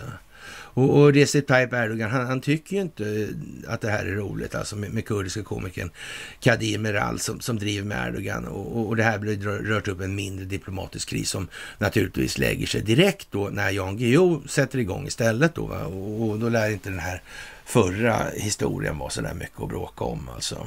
Nej. Nej. Och jag är ändå faktiskt då någonstans där, vad vill säga 13-14 kanske. 15 kanske. Kanske. Jag vet inte. Men, men eh, någonstans där, då, då var jag ju så här lagom entusiastisk till, till hur han höll på. Men det var ju innan de här statskuppsförsöken och sådana här grejer alltså. Det var lite för otydligt för att synas riktigt klart tyckte jag. Han fick gå på den dåliga sidan då. Men det är ju inte så mycket att diskutera om numera alltså. Och eh, 2016 dömdes en läkare för att ha jämfört Erdogan med figuren Gollum i Sagan om ringen-filmerna på sin Facebook-sida. Ett år senare friades läkaren, men eh, den omständiga processen med sina inkallade tolkenexperter säger något om hur långt Erdogans ego sträcker sig. Eh, ja, eller hur eh, mycket det här måste belysas, vad medierna håller på med i de här sammanhangen. Ja, rent ut sagt så tror jag faktiskt att Recep Tayyip Erdogan skiter höger fan i vad de här jävla medierna ägnar sig åt. Men de här utspelen måste göras för att människor ska se, få en bild, en känsla, reagera, reflektera. Mm. Reflexiv kontroll. Kom igen nu. Ja, nu hänger det svenska NATO-medlemskapet alltså på den turkiske presidentens lynniga sinne. Och, och, jag vet inte om det är pinsamt bortom, jag vet inte vad, men någonting ditåt i alla fall. Det är ingen anledning till att hålla igen med satiren under den känsliga förhandlingsperioden. Tvärtom, ös på bara. Vi skickar ut Janne med vatten, hattnummer, jag vet, han var ute och åkte militärbåt en gång och, och någon till mig närstående släkting, eh, eh, ja, Såg en pressändning så låg en skeppsgång och blev förbannad förstås. Oftast sådär. Alltså, frå, frå, frågade liksom, vad fan har Janne Guillou varit här och tappat... Han var på båten då. Har Janne Guillou varit här och tappat sydvästen? Ja. ja. Och Janne Guillou tränade ju på den tiden också. Mm. Som någon sa, han har en jävla bra bänkpress liksom. Ja, men det, man får ju skoja om honom, men det, det är okej. Han gillar ju sånt. Det är helt okej. Okay. Så man kör, kör lite med honom också. Ja. När han kikar upp över skoskaften. Det är okej. Okay. Mm. Ja, ja, men man måste, det måste man väl acceptera om man håller på som han gör, är det inte så?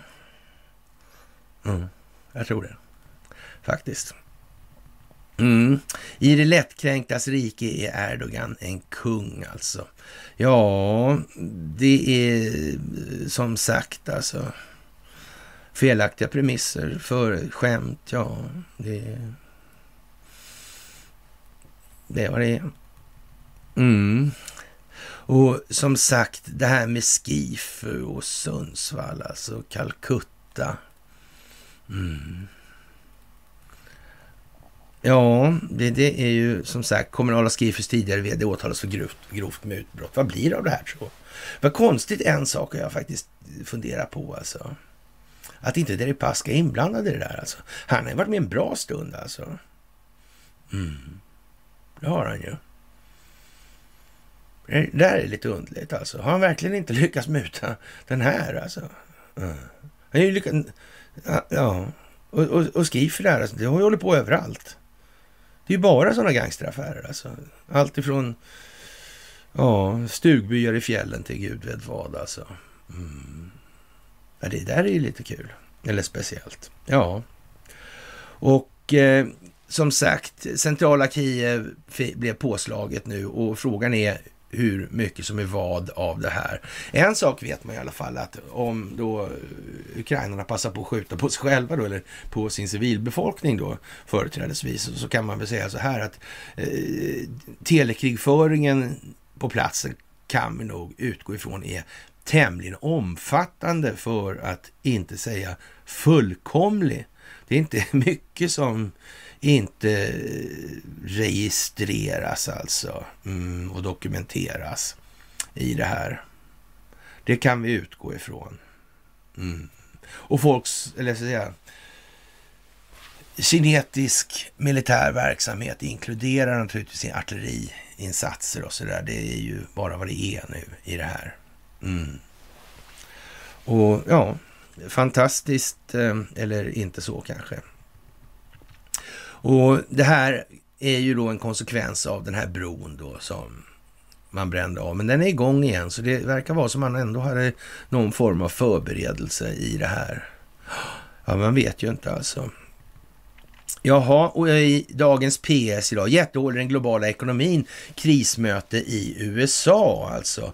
Och, och ja, och, och, det där är ju då väldigt konstigt alltså, tycker många. Eller också ser det inte ett dugg konstigt alltså. Och det är inte så att man behöver låna för att betala räntorna i det här systemet nu alltså. Nej, det, det är inte det alltså. Och ja, ett gigantiskt hål i världsekonomin på långt över 40 000 miljarder kronor står på agendan när centralbankschefer och finansministrar träffas i dagarna i USA alltså. Och man ska göra det enklare att investera i fysisk guld. Det här gör ju man ju då för att då så att säga dämpa oron och rörelserna på olika marknader för att det här ska bli mer lätthanterligt. Och, och men, men, folk har ju liksom en idé om att ja, ett kilo guld är ett kilo guld liksom. Mm. Och en liter olja är en liter olja liksom. Mm.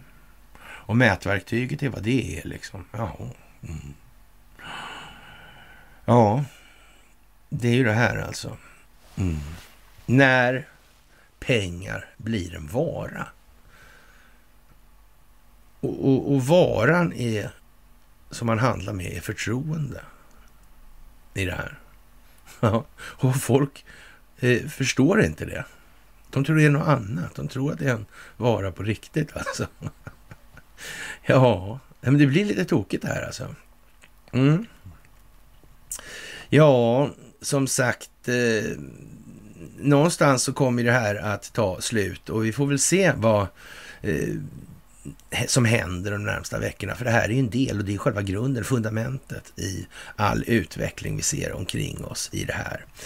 Och eh, ja, naturligtvis så ska man ta upp akuta klimat och säkerhetsrisker och ja, eh,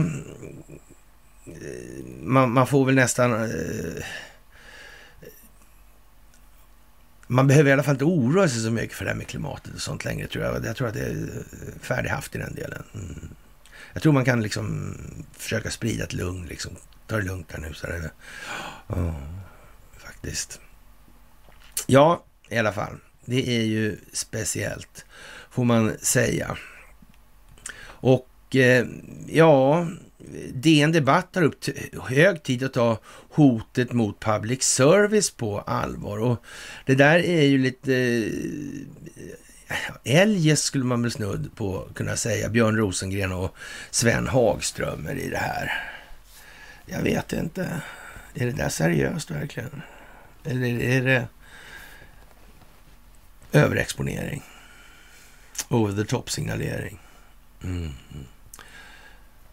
För att skapa effekter genom reflexiv kontroll. Mm. Tydliggörande. Optikskapande. Mm. Kan det vara det ena eller det andra? Varför verkar många gå ihop på samma...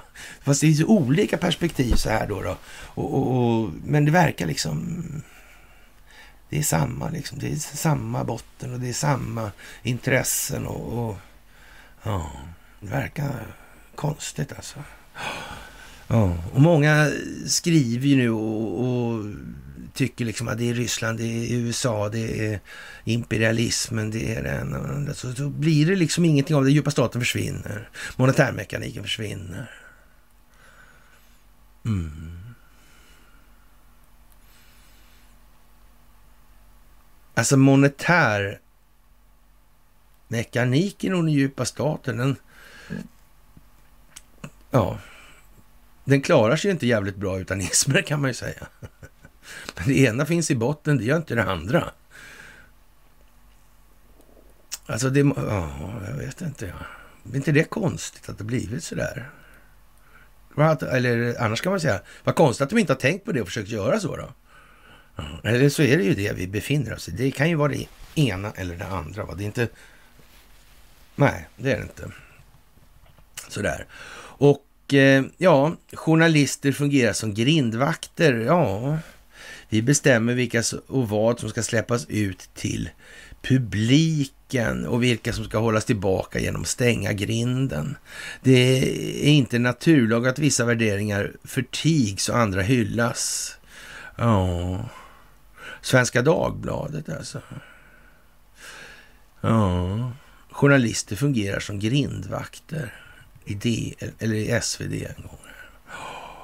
Jag vet inte. Är det konstigt? Systembevarare. Det bygger på förtroende. Det här med pengar, det hänger ganska intimt. Om de där blåser på ett ställe eller ur ett perspektiv då. Finns det möjlighet kanske att de kanske ur något annat perspektiv av allt globalt? Jag vet inte. Är det något? Ingen möjlighet? Nej. Nej, nej ja, vi får väl se. Vi får väl se helt enkelt. Och som sagt, det, det, det är ju lite mycket med, med, med allting nu, så det, det, är klart att visst, ja. Eh, någonstans så är det ju mycket speciellt alltså. Och, och, man konstaterar då i Dagens Industri att Swedbanks advokatbyrå är delaktig och mörka för USA-myndighet. Och, och det är ju vad det är alltså. Och vi, vi kan väl säga så här, det här är så jävla uppenbart nu vad det handlar om med Swedbank. Och att det här är en del av storstinget som vi härmed myntar som uttryck alltså. Mm. Och det här som DI tar upp idag, det är väl samma som vi började lite grann med. Alltså att, eh, i Stockholms tingsrätt pågår rättegång mot Swedbanks tidigare vd Brigitte Bonnesson som åtalas för bland annat grovt svindleri i samband med en penningtvättshärva som bank, skakade banken för tre år sedan. Alltså. Hon förnekar helt alla anklagelser, men rättegången följer på, flera, eh, följer på att flera utredningsrapporter beskrivit allvarliga brister i arbetet mot penningtvätt i Swedbanks baltiska dotterbanker. En av dessa rapporter skrevs på bankens uppdrag till och med, alltså, av den amerikanska advokatbyrån Clifford Chance Finance. Den presenteras 2020 och kan beskrivas som bankens vitbok om penningtvättshärvan. Clifford Chance företräder även Swedbank gentemot de amerikanska myndigheter som utreder banken med anledning av härvan. Men då är det ju frågan, finns det krafter i USA som vid den här tiden faktiskt motverkade eh, den djupa staten alltså i det här? Och den här penningtvätt, det kan man nästan säga är en, lite av ett, ett varumärke för den djupa staten. Mm. Och den här Juan Fonseca-historien där, den var också någonting med den och Panamaläckan också. va? Var det inte så? Mm, jag tror det. Ja, ja, det, är ju liksom speciellt. Hur mycket Clifford Chance har fakturerat Swedbank, advokater behöver vi inte prata om, för det ser man här nu alltså. De som inte har förstått det än i alla fall. Hur mycket Clifford Chance har fakturerat Swedbank sedan 19 är inte känt, men bara under perioden 1921 så betalar banken 2,3 miljarder kronor i konsultarvode för att hantera penningtvättsrelaterade utredningar. Utifrån det kan Swedbanks utbetalningar till Clifford Chance uppskattas till i varje fall hundratals miljoner kronor i kostnader som fortsätter att ticka uppåt. Och, och det kanske måste måste vara så. Eller? Kanske det inte måste vara så. Kanske man måste göra så här om man ska eh, få nos på de eh, lite djupare simmande fiskarna i de här sammanhangen. De lite mer grundläggande strukturerna som är korrumperat institutionaliserade alltså. Mm. Eller som är institutionaliserad korruption för att förtydliga alltså. Mm. Om man ska få klart för sig där. Vad är det där för något egentligen? Skulle man till exempel från djupa statens sida komma på idén med att advokatsamfundet bör vi ha lite koll på. Alltså, där bör vi nog kanske ha en röst eller sju eller sådär. Eller möjligtvis lite till till och med. Allt kanske. Vem vet alltså? Mm. Ja, det skulle kunna vara så. Man, någon skulle kunna komma på att kontrollera rättsväsendet. Åklageriet får man nog säga. Så det, ja, ja, ja, ja, men de som motverkar den djupa staten kanske har kommit på det också någonstans. Det är det lite grann alltså. Ja, det där är ju eh, konstigt alltså. Ja, men Swedbanks relation alltså till Clifford Chance går tillbaka längre än till 19. Redan under Brigitte Bonnesens tid, vd-tid, anlitades den amerikanska advokatbyrån. Ett exempel är när Swedbank 2018 mottog en förfrågan från amerikanska myndigheten Department of Financial Services, DFS i New York. Alltså i ett brev begärde DFS att Swedbank skulle redovisa alla kontakter som bankens kunder haft med advokatfirman Mossack Mossack Fonseca alltså, och, eh, som blivit ökänd för sin roll inom global penningtvätt. Alltså. Det är sedan tidigare känt att Swedbank i sitt svar utlämnar alla kunder i den baltiska verksamheten, trots att DFS var tydlig med att förfrågan omfattar bankens globala verksamhet. Därmed undvek Swedbank att behöva redovisa alla kunder i Baltikum med kopplingar till Mossack Fonseca. Vad skulle det här kunna bero på, tro? Skulle det kunna bero på att det finns en kontrovers inom den amerikanska statsförvaltningen och eh, en del av den amerikanska statsförvaltningen motverkar faktiskt den djupa staten och då behöver man nog eh, så att säga ha förberett den sida som man ska använda som hävstång för att komma åt olika element hemma. Kan man tänka sig att det finns människor i Baltikum, i Ukraina och så vidare som sitter ihop rent affärsmässigt med amerikanska väljare, liksom, eller amerikanska intressen i det här. Och ska man komma åt dem så måste man komma åt dem inifrån på något vis. Mm. Är det någon som har någon idé om hur det här skulle annars gå till? Och vad det här annars kan vara för någonting? Det är den vanliga frågan i grund och botten. Finns den djupa staten eller finns den inte? Det är bara det. Finns den? Ja, då finns det någonting som försöker motverka den också. Om än aldrig så litet eller vad det är alltså. Men om den finns alltså, om den finns, så finns det någonting som motverkar det också. Det är helt säkert. Och det har under evärdliga tider varit fullkomligt otillräckligt, det förstår vi också. Men det här är någonting som är långsiktigt. Det här har planerats under lång tid och pågått under lång tid. Vi kommer tillbaka till det också naturligtvis. Allt är ju ett, eller ja, all is one som eh, Isaac Tigret sa. Mm. Inspirerad av Sai Baba. Mm. Det där är ju lite speciellt, får man nog säga. Ikea på det paddla liksom. Ja, ja, minsann. Ja, SVTs Uppdrag granskning har tidigare intervjuat amerikanska politiker som säger sig allvarligt på att Swedbank vilselett myndigheten där. Alltså, en av dessa är den republikanske senatorn Roger Wicker. Om han fattar eller om han är Rhino, det kan inte vi utlåta oss om så här direkt, men han kan ju göra det för syns skull också. Om man ljuger för myndigheterna här i USA så är det ett allvarligt brott, uppgav han för Uppdrag granskning 19. Alltså. Nu kan DI berätta att Clifford Chance var delaktig i Swedbanks val av utlämna, av att utlämna alla baltiska kunder i sitt svar till DFS. Tänk att inte amerikanska underrättelsetjänstkollektivet hade kunnat, ja, de delar som har någonting att ha i det här. Mm. Ja, det där är speciellt alltså. Det där är, får man nog säga alltså. Mm. Och man får väl nästan äh, säga, eh, ja, man erkänner ju någonstans så här att äh, man, man, alltså det är liksom en eh, rätt så eh, illa dold nu skulle man väl egentligen kunna säga rakt alltså Det är lite grann som Cervenka, det är lite grann som Guillou. Det, det är nivån på det här är så att det, det, Ja, men förut kanske det kom en sån var tredje månad. I, eh, ja, och så olika med. Alltså. Men nu är det liksom så är det bara wham! Och så kommer det så här va. Och det här är den dagen när, när eh, man hyllar då Ben Bernanke och han får ett Nobelpris i ekonomi liksom. När lekstugan håller på och, och eh, ja. Och eh, han, dvärgen med neurosedynarmarna där och vattenskallen, han, ja. Han, han, slänger epitet på den turkiske presidenten, så fast han gör ju inte det, säger han ju då. Nej, han har tagit bort två L. Mm. mm. Ja, det är som det är nu alltså. Ja, och eh, Eh, det är frågar Swedbank hur banken ser på det här då med att man har eh, kastat ut hundratals miljoner av aktieägarnas pengar på Clifford Chance som ska hantera penningtvättshärvans rättsliga konsekvenser samtidigt som advokatbyrån var delaktig i att de baltiska dotterbankerna utelämnades i svaret till USA 2018. Ja, varför gjorde man det tro? Man ville väl kanske inte slå igen det här riktigt än, alltså det finns mer saker. Det fanns större fisk längre ner som måste tas om hand i den delen alltså.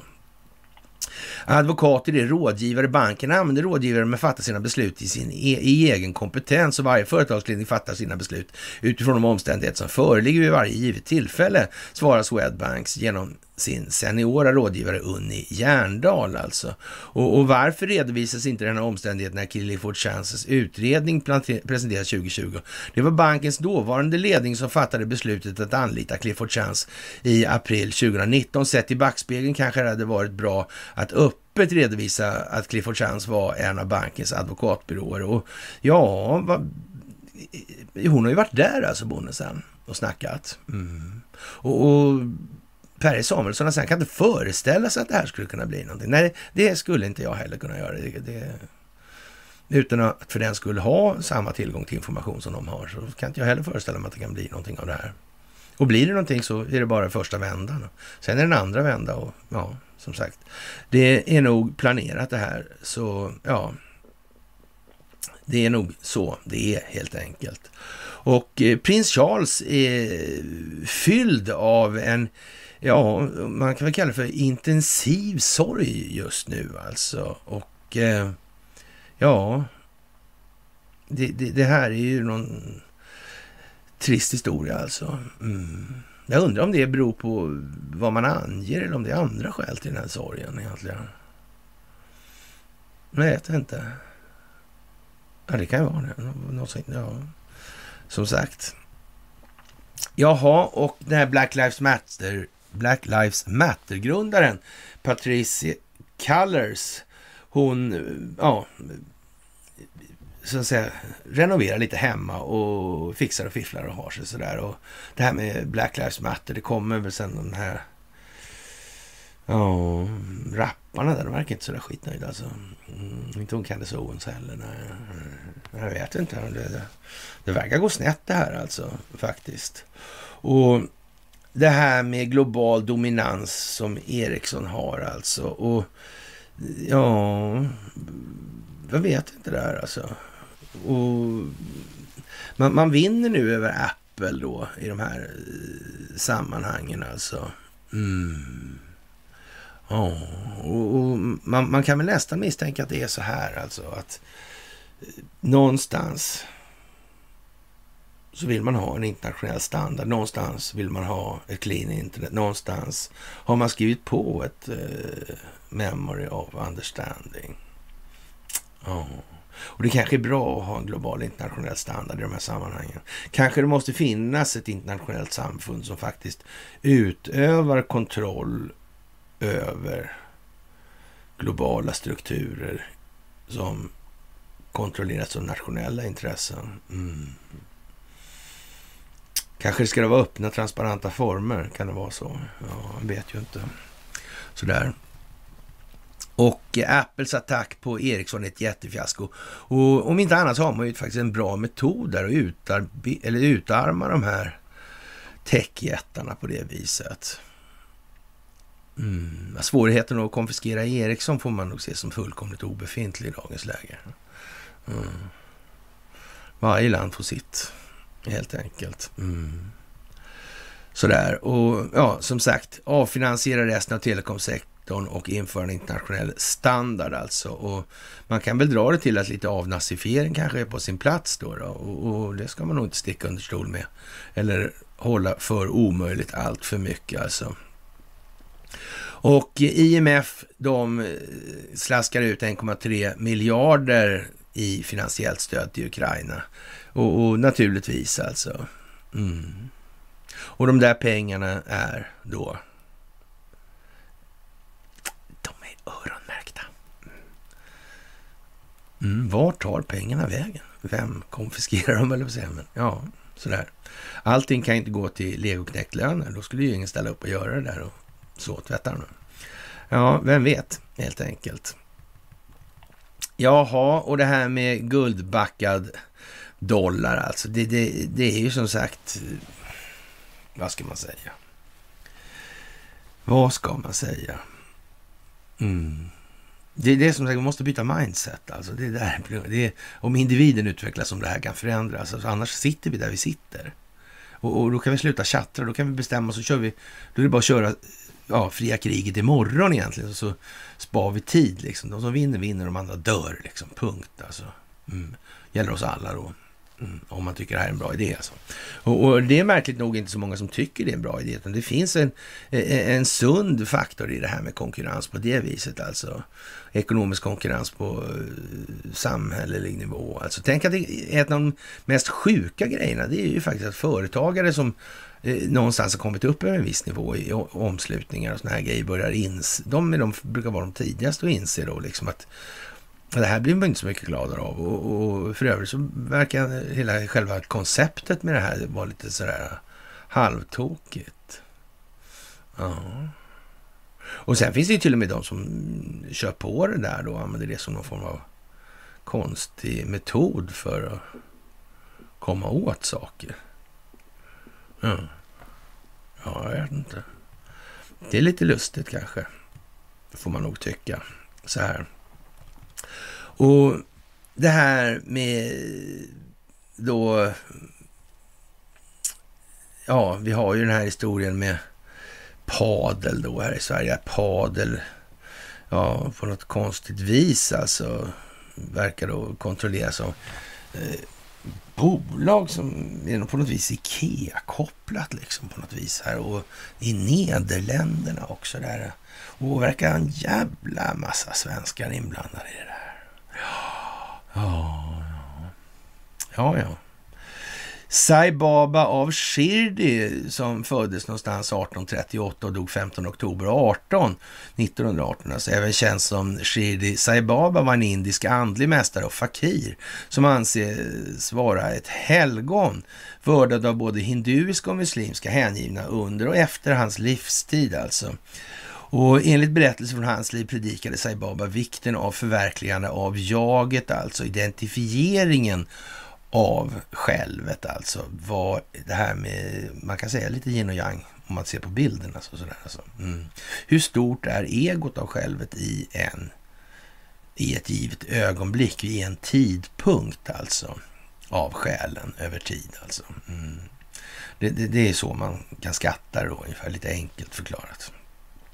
Och Eh, hans lära koncentrerar sig alltså på en moralisk kod för kärlek, förlåtelse och, och hjälpa andra, och välgörenhet och förnöjsamhet, inre frid och hängivenhet till Gud och guru då, eller vad ska man säga då? Mm, alltet och kungörelsen då. Man, man, man, kan ju skriva lite som man vill det här. Det här var någon som kunde tänka alltså. Och han fick en stor beundrare, någon som heter Isaac Tigret. Och Isaac Tigret är då grundaren av Hard Rock Café. Och varför är då det så intressant, månntro, i de här?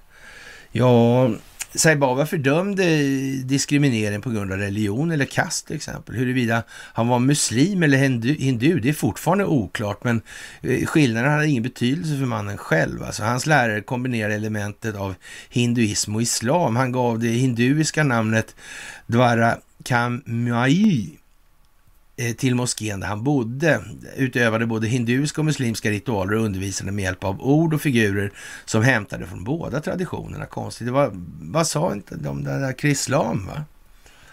Var inte den inblandad? Kommer den en ny också? Sån här? Verkar liksom, ligger det i tiden där? Att man tar upp det här? Ja, jag vet inte. Jag vet inte.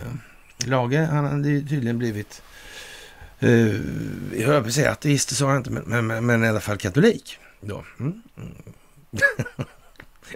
Ja, ja, ja. Han, han var varit en stor anhängare av sådana här grejer som Sai Baba och sådär. Och, och, en annan cool grej med det här med, med Hard Rock Café i, i det fallet, det, det, är ju det här med All is one, eller ja, where we go one, we go all. Och kopplar man ihop det med All is one, alltså allt i ett och det här. Mm, Gud är allt. Alltet, alla ting är Gud. Mm. Då blir det mycket semantik i det här alltså. Och, och, det är kanske viktigt att tänka på att ord har betydelse för styrningen av tankar. Det kan ju vara bra alltså. Så det kan ju ha en viss, vara en viss poäng med att, att resonera i sådana termer lite grann med sig själv också. Mm. Förstå det här med känslogrunderna värderingar. Förstå det här med moral som den känslomässiga kompass utifrån vilken vi orienterar oss i förhållande till omvärlden och oss själva faktiskt också. Mm. Vad är det förändringen? Är det moget att vara fem år gammal och så gapa och skrika och, och vill ha allting hela tiden? Och... Ja, jag vet inte faktiskt vad som är mognad då. Sådär. Och Isaac Tigret, Hardrock, Lage, och så vidare. Det är bara att dra. Det är ju rätt lustigt om inte annat kan man ju säga. Och ja, ska man ju då dra vidare på det här så kan man hitta lite Art Levit och, och såna här grejer också om man vill. I den delen. Mm. Ja, ja. Så kan det ju vara. Man vet ju inte. Vi får se vad som blir vi lär bli varse om man säger som så. Men det var ju konstigt då att den här Ikanobanken upp som en Ikea-firman där alltså. Finns inblandad i det här med padel också. Det går dåligt på eh, padelfronten och, och, och de vill inte kommentera det här med, med historien med Urbit där heller. Alltså, mm. Man verkar, man vet ju inte, det kanske kommer flera inspel alltså, på samma tema. Ja, vem vet alltså? Vem vet alltså? Ja. Mm. Som sagt, det här har planerats jävligt länge alltså. Det är helt säkert. Och eh, ja, som sagt, det är kanske så att det här är planerat sedan väldigt, väldigt, väldigt lång tid alltså. Ja. Det kan ju vara så. Alltså. Så jag vet inte, jag ska inte heller eh, utveckla det allt för mycket för snabbt där nu. Så jag ställer till. För nu det vill jag, det vill jag verkligen inte ställa till någonting i nu. Och, och ja, sådär. Det, det, det kan vara några saker kanske som ibland... Ja, Ibland reser sig en, orsakar mångas fall, inte minst om det är tänkt att bli så sen väldigt lång tid tillbaka. Och, och det kan man ju mycket riktigt säga, men Conny fuska för han visste om det här innan alltså. Så, och eh, ja, det är så. Vi får väl se hur det är lagt, men, men, man kan säga så här, det finns en hel uppsjö med saker som pekar på vad allt det här har varit för någonting. Alltså. Och, och till och med inga atombomber inomhus, alltså, om vi säger som så. Då. Mm. Det kan ju betyda lite olika saker då, liksom i huvudet eller i lokal eller så. Ja, det är ju så. Mm. Det är lite udda sådär. Mm. Ja, ja, ja, ja. Sådär. Det är någonting som... Eh, mm, eh, man, man får nog eh, säga var lite grann sådär alltså. Skulle inte någon ha kommit på det här alltså? Ja. Ja. Hur kan det vara egentligen? Jag vet inte. Vi får väl se helt enkelt. Ja, vi får ha lite tålamod. Det kommer. Massprotester mot NATO i Paris alltså på gatorna. Och jag vet inte, har vi sagt något om det här med NATO? Har vi sagt, sagt något om det här med EU? Så jag vet inte, det känns nästan lite förmätet att börja prata om det där. Faktiskt. Ja.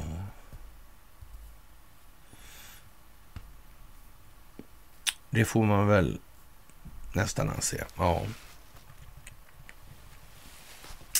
Och som sagt, det går dit hän det lutar, eller det rullar dit det lutar. Och eh, Cash Patel är ju en före detta då riksåklagare då i USA och sedermera också stabschef i försvarsdepartementet i USA under Donald Trump. Det är liksom ingen kvartsjurist sådär alltså. Mm. Och han har då nu, eh, ja vad ska man säga, ja, han har väl legat i lite helt enkelt skulle man kunna säga. Och, och, och som sagt, det, det, är ju lite svårt det här med, med tiderna helt enkelt. Och då är vi nere liksom 2009 och, och långt tidigare än det alltså. Och, och ja, som sagt, det här, vad vart det där egentligen åtta? Ville man ha en krasch då kanske? På något vis. Ja, någon kanske ville det. Mm. Ja, det där var ju speciellt alltså. Får man ju säga faktiskt. Och eh, den djupa staten har ju inte lyckats sådär jättehundra med att ta tillbaka någon kontroll överhuvudtaget alltså. Och, och de har väl insett då till stor del nu att det här är, blev inte så bra och dessutom inser de då att det här är koordinerat på en bra mycket bredare front än vad de klarar av att hantera. Och allting som de har företagit sig slår tillbaka mot dem själva nu istället. Och, och det här blir ju bara etter värre för varje dag som går alltså. Och ja, det här är naturligtvis hela tiden frågan om asymmetrisk eller hybridkrigföring. Och det handlar om opinionsbildning. Det handlar om den största delen av, den avgörande delen av det moderna kriget. Det handlar om informationshanteringen. En ytterpytteliten del handlar om den kinesiska militära verksamheten. Och hur hemskt det än låter i tidningarna i fråga om Ukraina så har inte vi en aning. Medierna är vad de är. Vi kan inte lita på dem, det vet vi. Det vet vi. Och vi vet vem som gynnas av vad med vilket syfte. Det vet vi också. Ja, det här skulle komma att ta tid alltså och man måste få med sig opinionen alltså. Det är bara så alltså.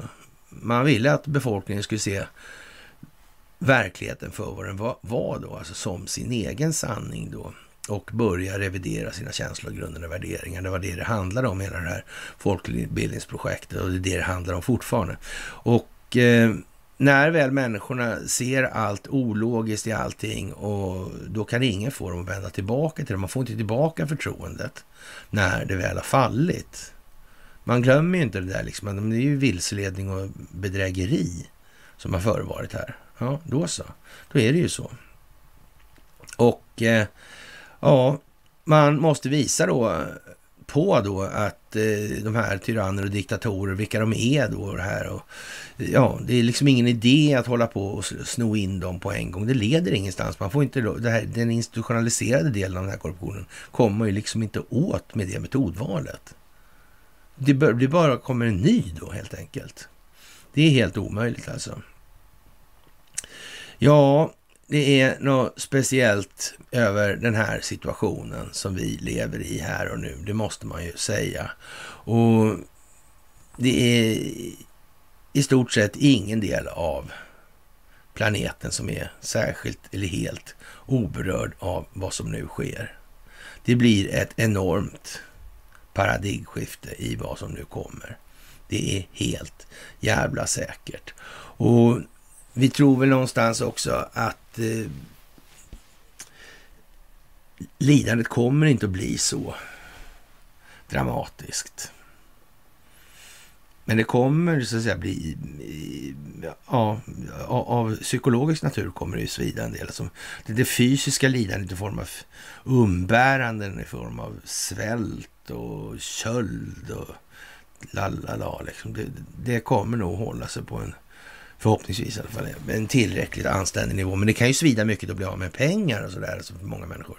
Så är det ju. Då. Och, och, och, men som sagt, är det systemet som måste bort som sådant så är ju det lika för alla. Liksom får man ju lösa det här vidare efter det då. Men det beror ju lite på hur eh, eller vilken utbildningsståndpunkt som man klarar av att implementera. Och ju mer vi klarar av att utvecklas som människor och individer här och nu, desto bättre kommer vi rustade.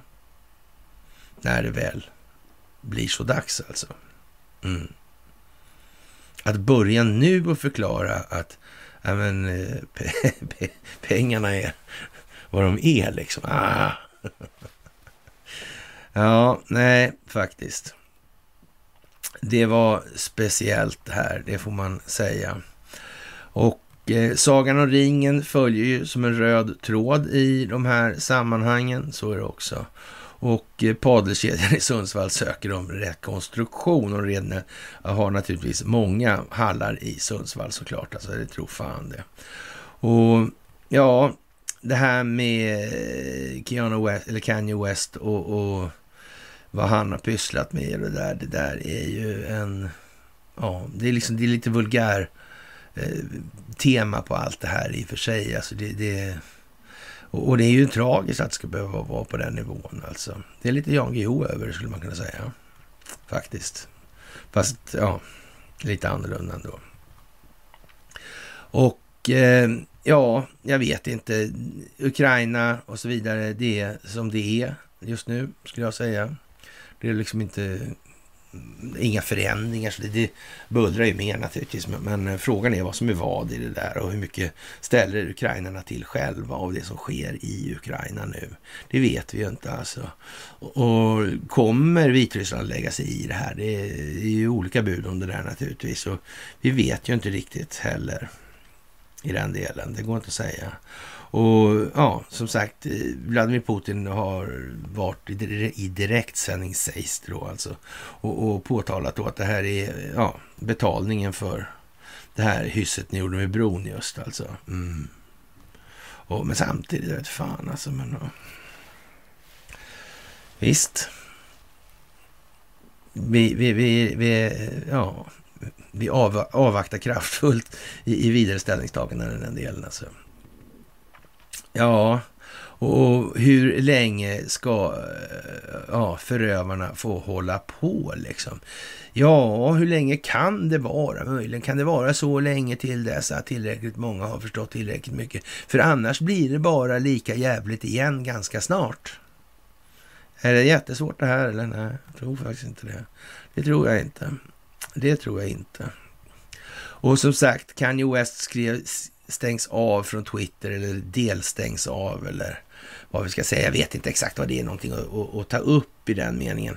När det gäller det här med Triton då, det här bolaget som ligger bakom Ikea och det här och de delarna så är det väl kanske så att det här ligger en hel massa andra saker i. Men jag vill vara lite mer säker på innan vi utvecklar det. Alltså, det kanske inte är så jävla bra ännu. Jag vet inte. Vi får se här närmsta dygnen. Helt enkelt. Och eh, som sagt, det här med, med hur länge har det varit planerat? Ja, det är ju långt före 2009 i alla fall med avseende på eh, Brookings då och, och Christopher Steele och de här grejerna. Och, och frågan är ju nu egentligen om, om Nolan var snacklad liksom. Var inte det jävligt klumpigt? hon, borde inte hon veta att de där är avlyssnade? Alltid. Jo, det visste hon ju. Så. Ja, men det är ungefär som vi gick på. Vi gick ju på den här med, med pennan. Och det är paska. Men kom igen nu liksom. Nej, det var inte vad det såg ut att vara då. Nej, nej det var inte det. Aldrig det. Inte ens nära liksom. Faktiskt. Ja, lite sådär. Och eh, det går åt helvete för Hennes och Maurits i USA och det kan man väl faktiskt förstå. Man ska inte springa med ja, vatten åt fel hästar, höll jag på att säga. Karl Johan Persson i olika sammanhang. Det var som sagt lättare på den tiden man bara etablerade fik. Så där tillsammans. Det var mycket smartare tror jag faktiskt. Och eh, ja, och så det är lite kryptiskt, men det kommer också så småningom sådär. Och eh, ja, ja, vi får väl se helt enkelt. Och Leif Erikssons årsdag för, eh, ja, som stolt svensk då tyckte Conny, och det kan man kanske tycka. Men eh, jag vet inte. Eh, sprängda broar och gasledningar, alltså en dag man som stolt svensk inte får missa, alltså. Leif Eriksson-dagen alltså. Och, och, det kan ju vara trevligt kanske och, och ja, känna till alltså. Och ja, CIA har ju aldrig gjort annat. Vad ska vi med dem till? Va? Jag tror vi har gått igenom det här rätt många gånger. De har funnits i en 75 år sådär. Alltså. Och, ja, det har lett till eh, ineffektivitet, inkompetens och laglöshet, skriver man i New Yorker nu. Och ja, jag vet inte. Eh, ja, vi kan ju ta historien en gång till. Men jag tror inte det behövs faktiskt. Jag tror ni kan det där nu alltså. Och ja, sådär. Och eh, ja, det är ett bedrägeri då med Rare Foundation skriver att det är globalistbedrägeri, alltså det här med global uppvärmning och alternativa energikällor. Alltså det är alltihop en stor blåsning alltså. Ja, vad ska vi säga? Det jag bör bara konstatera att det verkar lite så. Och som sagt, det här med att dansa då. Ja. Och i söndagens presidentval i Österrike har resten av Europa att hålla andan. Med historiskt starka man till Ryssland står landet redan och väger i sitt stöd till Ukraina. Och utmanarpartiet FPÖ har en radikal plan vid seger alltså. Och ja, jag vet inte vad man ska säga i Svenska Dagbladet, men nu huttrar vinarna och, och beklagar sig. Jag likaså i min alltför tunna sommarkappa, även om det inte bara är det nedkylda badvattnet som får den att rysa alltså. Ja, den plötsliga kylan innebär också en påminnelse om vintern och Eh, i och med den energikrisen alltså. Ska man våga skruva upp värmen nu när så mycket av gasen i Österrike importeras från Ryssland alltså? Ja, mm. hur är det där med rysshotet? Vem driver det här egentligen? Är Sverige ett liberalt land i de sammanhangen som inte håller på och trissar i den ändan? Är det så? Eller är det på något annat vis? Jag vet inte. Det är ju lite svårt faktiskt, kan man tycka kanske. Nej, det kan man inte tycka. Det är helt säkert alltså. Ja, det är trevligt värre alltså. Jaha, och eh, det accentueras vidare och Ramzan Kadyrov blev ju befordrad till generalöverste trots att han bara en vecka tidigare kritiserade högsta militärledningen i Ryssland. I Ryssland. Hur var det med det där också, de här sanktionerna som infördes där av någon? Mm, riktade sig så här konstigt. Behöver man städa? Finns den djupa staten i Ryssland tro? Mm. Så länge de är lugna och inte han, eh, med, inte han lite grann lagd åt det hållet. Va? Atlantintegrationist kallar vi honom för förr. Alltså så. Och så, men vi sa ju det att Nabolina var nog värre. Alltså, men nej, det verkar så. Det verkar ha gått till sig då som man säger. Det verkar ha gått till sig. Jaha, HMS Astute är en mycket otursförföljd ubåt och eh, det här var runt tiden för Arctic Sea. Alltså det är mycket konstiga grejer alltså, som hänt där. Mm. Det var en, var en skjutning där på den här båten, tror jag. Också, ja. Efter de kom tillbaka från ett uppdrag någonstans. Det var massa folk, som, eller flera stycken som dog, va? Mm. Var det inte så? Jo, jag tror det. Jag tror det. Och eh, nu ljuger Moderaterna om Putins, gas, Putins gasledning, då skriver man i Aftonbladet. Och, och, och det kanske man i och för sig gör då, men eh, ja, jag vet inte eh, egentligen. I de här sammanhangen. Alltså, finns den djupa staten? Eh, finns de i Sverige? Finns de i Ryssland? Finns de i USA? Finns de i Kina? Finns de i England? Finns de var? Finns de där det finns ett underrättelsetjänstkollektiv? Ja, det är ju så. Va? Och börskurserna försvinner från text-tv då, lite besparingsmedvetenhet, alltså, eller kostnadsmedvetenhet. Och jag vet inte om det är det man ska skratta eller gråta åt mest alltså i det här, men, men eh, ja, det är ju som det är helt enkelt. Och, och man kommer kalla Eh, en massa vittnen till, eller Durham kommer göra det och det kommer naturligtvis bli en massa följdeffekter av det. Då. Och varför har man hållit på det där? Man håller listor hemliga också och så vidare. Det verkar hela tiden som att det siktar på någonting längre bort hela, hela, hela tiden. Det verkar som att det finns en, en strategisk planering i utvecklingen av olika händelseförlopp. Alltså. Mm. Ja, det är ju för tokigt alltså. Och eh, ja, den här eh, Dogin då, han med dottern som dog in. Han eh, säger så här, det är dags att sluta skratta för Fina visar att han kan skada oss mycket illa och smärtsamt. Vi måste bli allvarliga och mobilisera alla våra styrkor nu.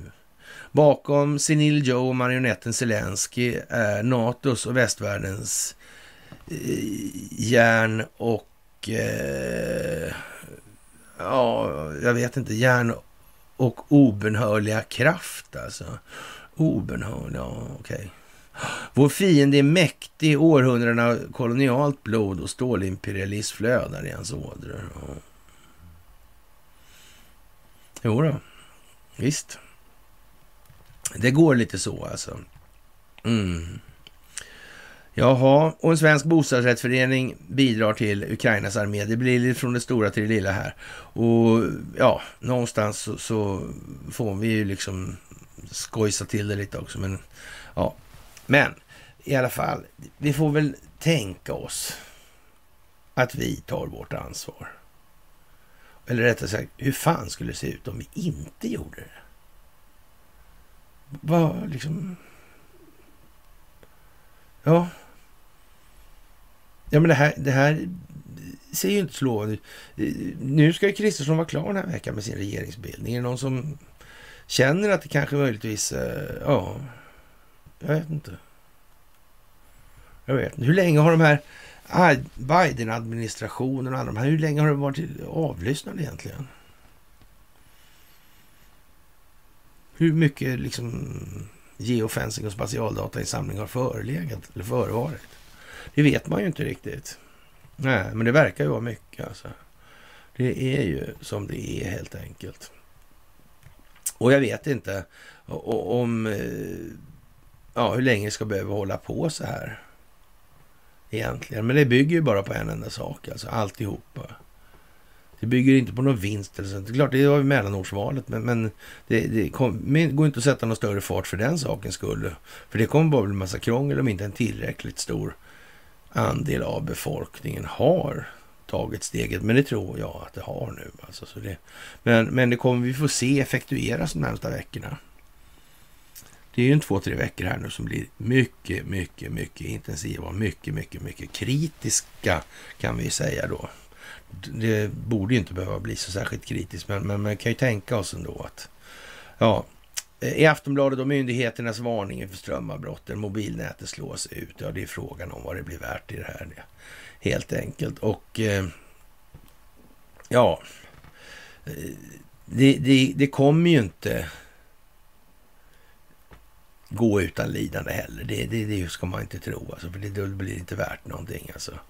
Och ja, det här med man, man, man försöker få det att se ut som det europeiska intressen har infiltrerat eller och Kina ligger bakom. Mm. Man får ta det i delar helt enkelt. Man får ta så mycket att man inte storknar när man tuggar i sig en elefant. Och, och, och, det är en gedigen uppgift helt enkelt. Och som sagt, de historiska kopplingarna bak det här med avnazifiering av Sverige och så vidare, det är bara vad det är. Alltså det kommer aldrig att kunna bli någonting annat. Det blir som det ska det här, varken mer eller mindre alltså. Faktiskt. Ja, med det, kära vänner, så får man väl snart säga att eh, vi ja, tackar för uppmärksamheten åtminstone. Och det, vi kan ju hålla på hur länge som helst, för det har hänt precis hur mycket som helst. Alltså det, det finns ingen spärr. Alltså det, vi hinner aldrig igenom till där vi slutade förra gången. Eh, eller började förra gången. Alltså vi kör baklänges nu istället för att det blir bättre så. Och, och, ja, då missar vi inte. Det går ihop i alla fall. Så det är lättare i konvergensens tecken helt enkelt. Och ni är så fantastiska så det saknar motstycke helt enkelt. Mm. Och det blir ju lite repetitivt när vi håller på nu och det måste tyvärr bli det också. Men det finns hela tiden nya nyanser. Ja, och nu kan ju folk hålla på och tjafsa om det är Sai Baba den senare eller Sai Baba den första. Någon var ju först i alla fall och kom med idéerna. Eh, eller, den andra pratade om något helt annat. Liksom. Ja, men, ja, det är ungefär som Sadguru, eller Satguru då. Mm. Ja. Ja, då så. Budbäraren är för jävla viktig alltså. ja, man tänker så här. Hur skamlöst kan ett troll bli? Ja, jag vet inte. Jag vet inte. Vad är det? Trolltyg i Tomteskogen, eller vad fan säger man? Med onkel Kostja där och vargen. Ja, ja kanske det. Slänger liksom snöflingor så här. Ja. Kära vänner, i alla fall. Vi tar och kallar det för slut idag. Men eh, vi hörs senast på onsdag och den här veckan är väl den veckan som med hittills störst sannolikhet kommer, sannolikhet kommer det innehålla extra mys alltså så. Och, och ja, vi går emot det oundvikliga i det här faktiskt. Men ja, vi får se helt enkelt. Med det, kära vänner, så får väl jag tillönska er en trevlig eh, måndagkväll. Så hörs vi senast på onsdag. Ta väl hand om er och en trevlig kväll alltså.